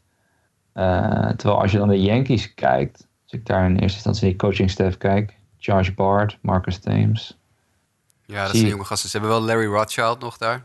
Ja, ja, precies. Die is dan nog wel bij inderdaad de, de oude rot inderdaad. Maar niet, ja, oké, die heeft dan de ervaring, maar niet echt als, als head coach. En weet ik niet in hoeverre dat dan uit moet maken. Of, of je die ervaring hebt. Maar goed, het kan misschien geen kwaad in het geval van Cor dat hij dan Ron Renneke naast zich hebt. Omdat dat misschien dan niet de beste manager ooit was in zijn tijd. Toch iemand die het wel heeft meegemaakt. En af en toe toch uh, ja, wat, wat, wat inzicht in kan geven. Ondanks dat hij het niet bij een grote club als bij de Reds is geweest kan het misschien wel helpen. Dat gezegd hebben we wederom. Ook hier weer natuurlijk de picks. We hebben het gehad over de strijd tussen de Red Sox en de Yankees. En ik denk dat het hier misschien wel eens wat kan verschillen hoe we dat gaan kiezen. Jasper, begin ik bij jou.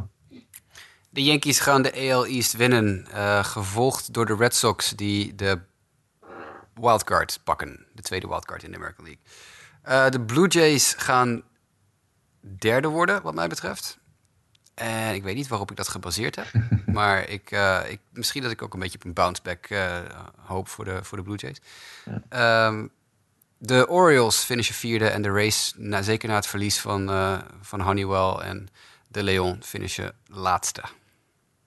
Ga je copy-pasten, Mike? Of?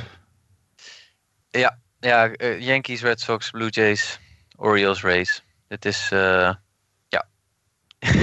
ja, nee, ik ga, ik ga ook Yankees, Red Sox. Zet ik wel Orioles op drie. En dan... Ik zet de Rays op 4, de Blue Jays op 5. De Blue Jays gaan helemaal instorten, vrees ik. Die, uh, daar gaat helemaal niks worden. We hopen op een bounce back, maar ain't gonna happen. Er gaat wel een wildcard naar deze divisie. Ja, ja, dat wel, dat wel, dat wel. Ik denk dat je in ieder geval wel, als je toch uh, geld op in zou willen zetten, promoten we uiteraard niet.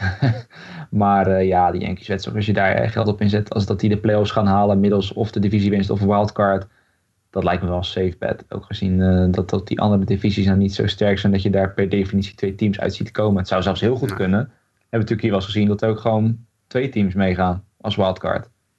Maar dat is natuurlijk dan weer bezien hoe, dat, verder, uh, hoe, dat, hoe dat verder luidt en hoe sterk de Orioles en de Blue Jays, een van die twee zal het waarschijnlijk moeten doen, hoe sterk die er, door, uh, er doorheen komen. Kunnen dat meteen eigenlijk wel aansluiten aan een mailbackvraag van Dennis Jansen, trouwe luisteraar van de show uiteraard. Die vraagt zich na deze beide previews af welke league wij dit jaar leuker vinden. En dan bedoelt hij vooral met leuker, wat zien wij als de spannendere helft van de competitie of als de vermakelijkere helft van de competitie. En dan, uh, Mike, geef ik deze eerst aan jou. Welke league denk jij dat leuker wordt? Vanuit de National League bias zou ik altijd National League zeggen. Nee, maar ik vind, ik vind dat de veranderingen in de American League van deze offseason zijn leuker. Dus dat maakt mij eh, nieuwsgierig om de wedstrijden eh, te volgen van de American League. Eh, ik, ik ben benieuwd bij veel teams hoe ze het gaan doen. En in de National League vind ik in ieder geval de divisie winnaars redelijk voorspelbaar. Wat het dan voor mij weer net even wat minder spannend maakt. Ja. Jasper, ik weet niet hoe jij dat ziet. Ja, vind ik een interessante benadering. Want ik had een beetje hetzelfde willen loslaten op de National League. Ik denk dat je gelijk hebt. Ja, nee, ik zit te denken. Je, je hebt gelijk als je zegt dat de, de, de reinforcements van de American League wat interessanter zijn. Aan de andere kant is het hier natuurlijk net zo voor de hand liggend wie de divisies gaan winnen. Want de Astros en de Indians steken er met kop en schouder bovenuit in hun divisies. En het wordt of de Yankees of de Red Sox in de East. Dus dat staat ook allemaal wel vast. En als ik dan toch nog kijk naar wat er achter zich afspeelt. Dan vind ik toch de teams in de NL West en de NL Central die achter de divisievoorspellingen winnaars. Hè, dus de, achter de Dodgers en de Cubs zitten vind ik leuker om, of vind ik spannender, denk ik. Uh, gaat dichter bij elkaar liggen dan wat we in de American League zien. Want met de Rockies en eventueel de Diamondbacks en, uh, en de nou ja, Giants dan. en in de Central de, de, de, Brewers en de Cardinals achter de Cubs. Heb je toch meer spanning, denk ik. Dus hoewel het inderdaad interessant wordt om de American League te volgen... om te zien hoe alle nieuwe spelers zich aanpassen aan hun nieuwe omgeving... en om te kijken of, de, of er bounceback teams zijn... want er zijn meer bounceback kandidaten, denk ik, in de American League dan er in de National League waren na onze bespreking van vorige week. Denk ik dat de, de National League, zeker de, de West en de Central, spannender zijn. Hmm. Kan, ik me, kan ik me vinden, maar ik blijf. Ik, ja, precies. Ik, die, die East vind ik dan nog wel spannend, omdat je die divisierace net even wat minder kan voorspellen bovenin. Ja. Uh, maar inderdaad, en ik ben inderdaad nieuwsgierig, dus gewoon vooral die teams. Uh, maar ja, er zijn meer teams in contention misschien dan inderdaad in de, in de National League. Ja, ik ga toch net voor de American League kiezen, denk ik. En dat is puur omdat, denk ik, in de National League verpest de National League East het misschien een beetje voor mij. Dat ik denk dat dat echt gewoon een divisie wordt. Als we het over een divisie hebben waar echt maar één kans hebben lijkt uh, voor de playoffs, dan is dat daar wel. Uh, inderdaad, Central West zijn er wel interessante, maar ik denk over de breedte dat dan toch ook de, nee, eh, zelfs de AL Central, waar de Indians grote favoriet zijn, toch heel erg benieuwd naar de White Sox het, het, toch gaan doorzetten of de Twins het waar kunnen maken. Zelfs de West, waar dan de Angels en de Mariners wel continu om het hoekje blijven kijken. Waar je de Rangers misschien niet meteen kan afschrijven. En dan de East, die, ja, ondanks dat veel mensen die dan geen fan zijn van een van die ploegen, het vaak een te overhypte divisie vinden. Ja, kan je er niet omheen dat de Yankees en Red Sox gewoon super sterk zijn. En dat de Orioles in heel veel andere divisies en de Blue Jays misschien ook wel in andere divisies gewoon echte contenders zouden zijn. Dus ja, ik, ik ga dan toch, ik denk dat dat toch wat spannender daar wordt. Uh, maar neem niet weg dat eigenlijk beide helften van de league, en hebben we het eerder over gehad, een beetje kampen met, nou ja, niet zozeer een probleem, maar met het feit dat veel ploegen al wel zeker lijken van de eerste plek. En uh, nou ja, ik kan alleen maar zeggen, toch misschien hopen stiekem dat er daardoor toch wel wat verrassingen doorheen komen, die er toch wat, uh, wat spannender maken. Dus ja, dat gaat het dan worden hopelijk. Komen we aan het laatste deel. Want natuurlijk ook bij de American League van de week, ook bij de, eh, bij de National League moet ik dan zeggen van de week. En gaan we natuurlijk ook bij de American League even doen. Nog het rijtje met rookie surprises, Cy Young, et cetera, et cetera. Ehm, ja, ik vond het wel vond het allemaal heel erg lastig. We hadden het vooraf erover. Dan moet ik zeggen, voor mijn Rookie of the Year mag Jasper beginnen. Die heeft zijn shortlist gemaakt. Dus die mag er dan één naam eh, vanaf kiezen alvast. Ja, ik, eh, ik, mijn shortlist bestaat natuurlijk met het Willie Calhoun, Michael Kopech, Francisco Mejia en Lucas Giolito. En ik ga voor de laatste, Lucas Giolito van de White Sox. Die gaat eh, verrassen dit jaar en die gaat de Rookie of the Year winnen. Ik zat toevallig aan die shortlist voor jou te denken. Dat was nou net de naam die ik ook wilde zeggen. Maar Oh. nou ja, aan de, aan de andere kant dan... eh, ja, ja, ik vond het ook wel gewoon het meest plausibel. Want een werper die vorig jaar al goed bezig was, zet het dit jaar voort. Aan de andere kant krijgt hij dan misschien de Xelman eh Kuren, hè, die ook eh, heel veel Ja, eh, ja, ja. promise liet zien. Maar ik wilde in eerste instantie, ik blijf dan gewoon met Giolita. Daar wilde ik ook in eerste instantie gewoon voor gaan. Dus eh, ik ga daarin mee. Jij een ander, Mike? Nou, veel mensen hebben het over eh, Shohei Ohtani. Eh, maar ik ga niet mee in die hype. Ik ga voor Oh. Austin Hayes. Baltimore Orioles. Omdat Ja. ik die ook heb horen vallen bij, eh, Bij mijn bij de analyse van, eh, ja, van... Ja, precies. Dus eh, ik ga voor Austin Hayes. Ja, dan de surprise team of the year. En dan, dan, dan vooral in positieve zin. Mike, geef ik deze eerst aan jou. Ik heb het al gezegd. Chicago White Sox. Durft Jasper dat dan ook te zeggen? Of? Ja, dat durf ik ook te zeggen. Niet omdat ze dan mee gaan doen. Hè. Het surprise team is gewoon een team dat het beter doet dan de verwachtingen. En als er 67 wins voorspeld worden, dan denk ik toch dat er, we daar ruim overheen kunnen. Dus eh, ja, doe mij ook de White Sox. Tja, eh, dan ga ik de Angels zeggen in de zin van dat ze het dan misschien spannender gaan maken dan dat je zou verwachten in de American League West met de Astros. Dat het verschil in ieder geval een stuk minder groot zou worden dan dat men zou voorspellen. Nergens op gebaseerd, behalve dan een, gevoel, een vaag gevoel en dat je toch iets moet zeggen. Maar eh, ja, ik zou dat wel graag zien. In ieder geval die Astros er iets, iets minder makkelijk mee weglopen dan dat je zou, eh, zou verwachten. En dat is misschien het verlengen daarvan Otani het dus heel leuk doet dat dat een positieve impact heeft op de Angels en dat dat zich dan vertaalt naar veel overwinningen. Manager of the Year dan. Jasper, jij eerst. AJ Hinch van de Houston Astros. Mike. Terry Francona. Cleveland Indians. En ik ga dan voor Aaron Boone. Boom. Kijk, Ondanks, Gewoon doen. ja, ondanks dat het dan gewoon echt een move lijkt die inderdaad, ik ben het geheel met je eens Jasper, echt totaal no sense maakt. Zou je zien, eh, je zei het net al, al blijft hij op de bank zitten, de Yankees winnen heel veel en dan gaat hij daar toch voor beloond worden omdat, oh, de Yankees winnen de divisie en oh, kijk, misschien winnen ze zelfs een World Series. Of, maar ja, goed, vaak wordt het op regulier seizoen gebaseerd, hè, maar eh, dat ze in ieder geval gewoon heel erg goed doen. En dan, eh, ja, dan denk ik dat hij daarvoor wordt beloond, of dat nou misschien terecht is of niet, maar ja, hij staat dan eenmaal aan het hoofd van een heel erg veel winnend team. Cy Young Award als volgende, Jasper. Ik ga gewoon weer hoor. Gewoon weer Chris Sale. Ik zei het vorig jaar, werd, werd hem niet, werd toch Kluber. Ik ga gewoon weer voor Chris Sale. Maakt het uit. Mike? Ja, ja, vorig jaar dacht ik het beter te weten. Maar ik ga dit jaar ook gewoon mee op de bandwagon van Chris Sale. Nou, dan gaan wij maar voor iets eh, verrassends. En eh, James Paxton. Dat, Oh, eh, ik vind hem leuk. Ik vind hem leuk. Ja, dat mag toch wel. Hè? Zelfs al eh, laten we even mijn voorkeur een beetje naar buiten. Dat mag denk ik wel. Als die dat, ik zeg eh, ook eh, top 5 finish voor Lance McCullers van de Astros in de Cy Young. Ja, ja, dat is ook een leuke. Ja, nee, ik ga dan voor James Paxton. Als hij gewoon fit kan blijven, het vol kan houden van vorig jaar. Dan, eh, dan maakt hij denk ik zeker wel een goede kans. Zojuist breaking news op. Nee, een geintje, geintje. James Paxton, UCL. Nou, nee, dat zou, echt, eh, dat zou echt vreselijk zijn. Maar tot slot, eh, de MVP dan nog. Jasper. Ehm, ik zit even heel snel een paar figuren door mijn hoofd te laten gaan. Ik, ja, ik vind het zo saai om, eh, om back-to-back... eh, Het is een Mike of. Jose? Of, eh, Ja, ik, ik, ik vrees dat hij eh, dat José heet. Ik, eh, ik denk dat ik toch... eh, dat ik, ik, ik zie geen enkele reden waarom nu die eindelijk die drempel over is... van het winnen van die MVP... waarom die niet inmiddels al zoveel naam voor zichzelf gemaakt heeft... dat José Altuve niet alsnog een tweede eh, MVP kan winnen dit jaar. Dus doe mij maar weer Altuve. ja. Ja. Mike? Ik ga voor de, de, de, de easy pick, zeg maar. eh, Mike Trout.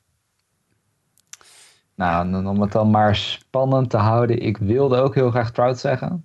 Eh, maar dan zal ik zeggen dat hij... Ichiro Suzuki. hey, dat zou wel... Ik zou ervoor tekenen. Ik zou het geweldig vinden. Nee. Ehm, dan zou laten we zeggen, Trout die wordt dan tweede. Altuve is toch net iets minder. Hij heeft een blessure in deze halfwege seizoen. Die wordt derde dan. En dan gaat Giancarlo Stanton, hoe walgelijk het misschien ook is voor iedereen die geen Yankee-fan is. Die gaat gewoon, eh, die gaat het helemaal doen. Die gaat er helemaal in mee. De Yankees gaan echt veel meer winnen dan we allemaal kunnen voorspellen. en Stanton gaat daarin mee. En die wordt MVP, denk ik. Het is misschien niet wat, uh, nou ja, wat ik zeg, Yankees-fans horen waarschijnlijk graag. En de rest die walgt er misschien van. Maar het zou echt heel goed kunnen, denk ik. Dus dat, uh, ja, laat ik niet zeggen, ik vrees er niet voor, maar ook gewoon onder het mond van, nou, laten we eens iets anders zeggen. Het zou namelijk heel goed kunnen, denk ik. Maar dat uh, gaan we dan, naarmate het seizoen volgt, zien. Klein beetje breaking news, jongens. heel klein beetje. In iets waar we ook geen uitsluitsel over kunnen geven. Dus mensen moeten dat maar snel op gaan zoeken als ze het nog niet gezien hebben. Madison Bumgarner is zojuist uit de wedstrijd gehaald voor de Giants tijdens springtraining nadat hij een bal heel hard op zijn linkerarm in de buurt van zijn pols heeft gekregen, een geslagen bal. Dus er bestaat een kans dat Madison Baumgartner van de San Francisco Giants geblesseerd is. Ja. En ondertussen krijg ik ook door dat Nick D'Alessi heel hard zijn Twitter-feed zit uh, te refreshen om uh, voor updates ja. te sturen. ja, nee, het zou wel uh, meteen een hele valse start zijn als dit inderdaad zou leiden tot een, erger, tot een gemis van wedstrijden.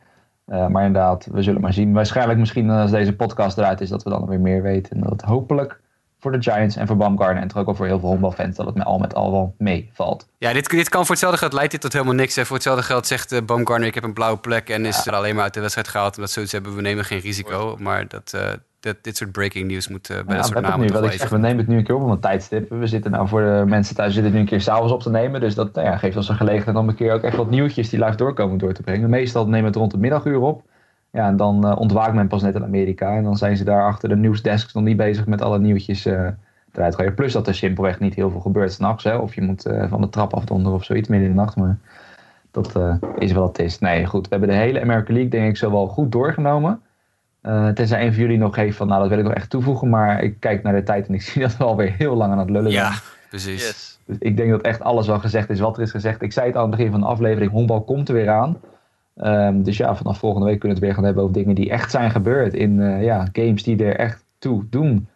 En de rest van onze shows dit jaar zullen geen uh, één uur en drie kwartier per aflevering gaan duren, denk ik hoor. Nee, nee inderdaad. Dus dat uh, misschien jammer voor de mensen die uh, dusdanig lang in de file staan dat ze er echt eentje van twee uur nodig hebben. Maar het is niet anders. Dat gaan we dan misschien maar compenseren met een extra show of iets dergelijks. Dan moeten we kijken hoe dat verder in het seizoen gaat verlopen.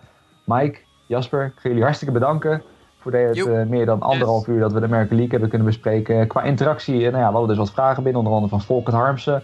Dennis Jans, heb jij nou ook een goede vraag uh, naar aanleiding van alles wat we hebben besproken? Stuur hem zeker in naar justabitpodcast.gmail.com.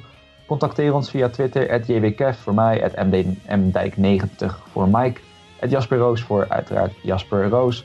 Kan ook via Sportamerika of anders facebook.com slash sportamerika. Dus heb je hier vragen, stel ze daar naartoe en dan, uh, of stel ze in beter gezegd en dan gaan we die volgende week behandelen. Jullie bedankt voor het luisteren en graag tot volgende week.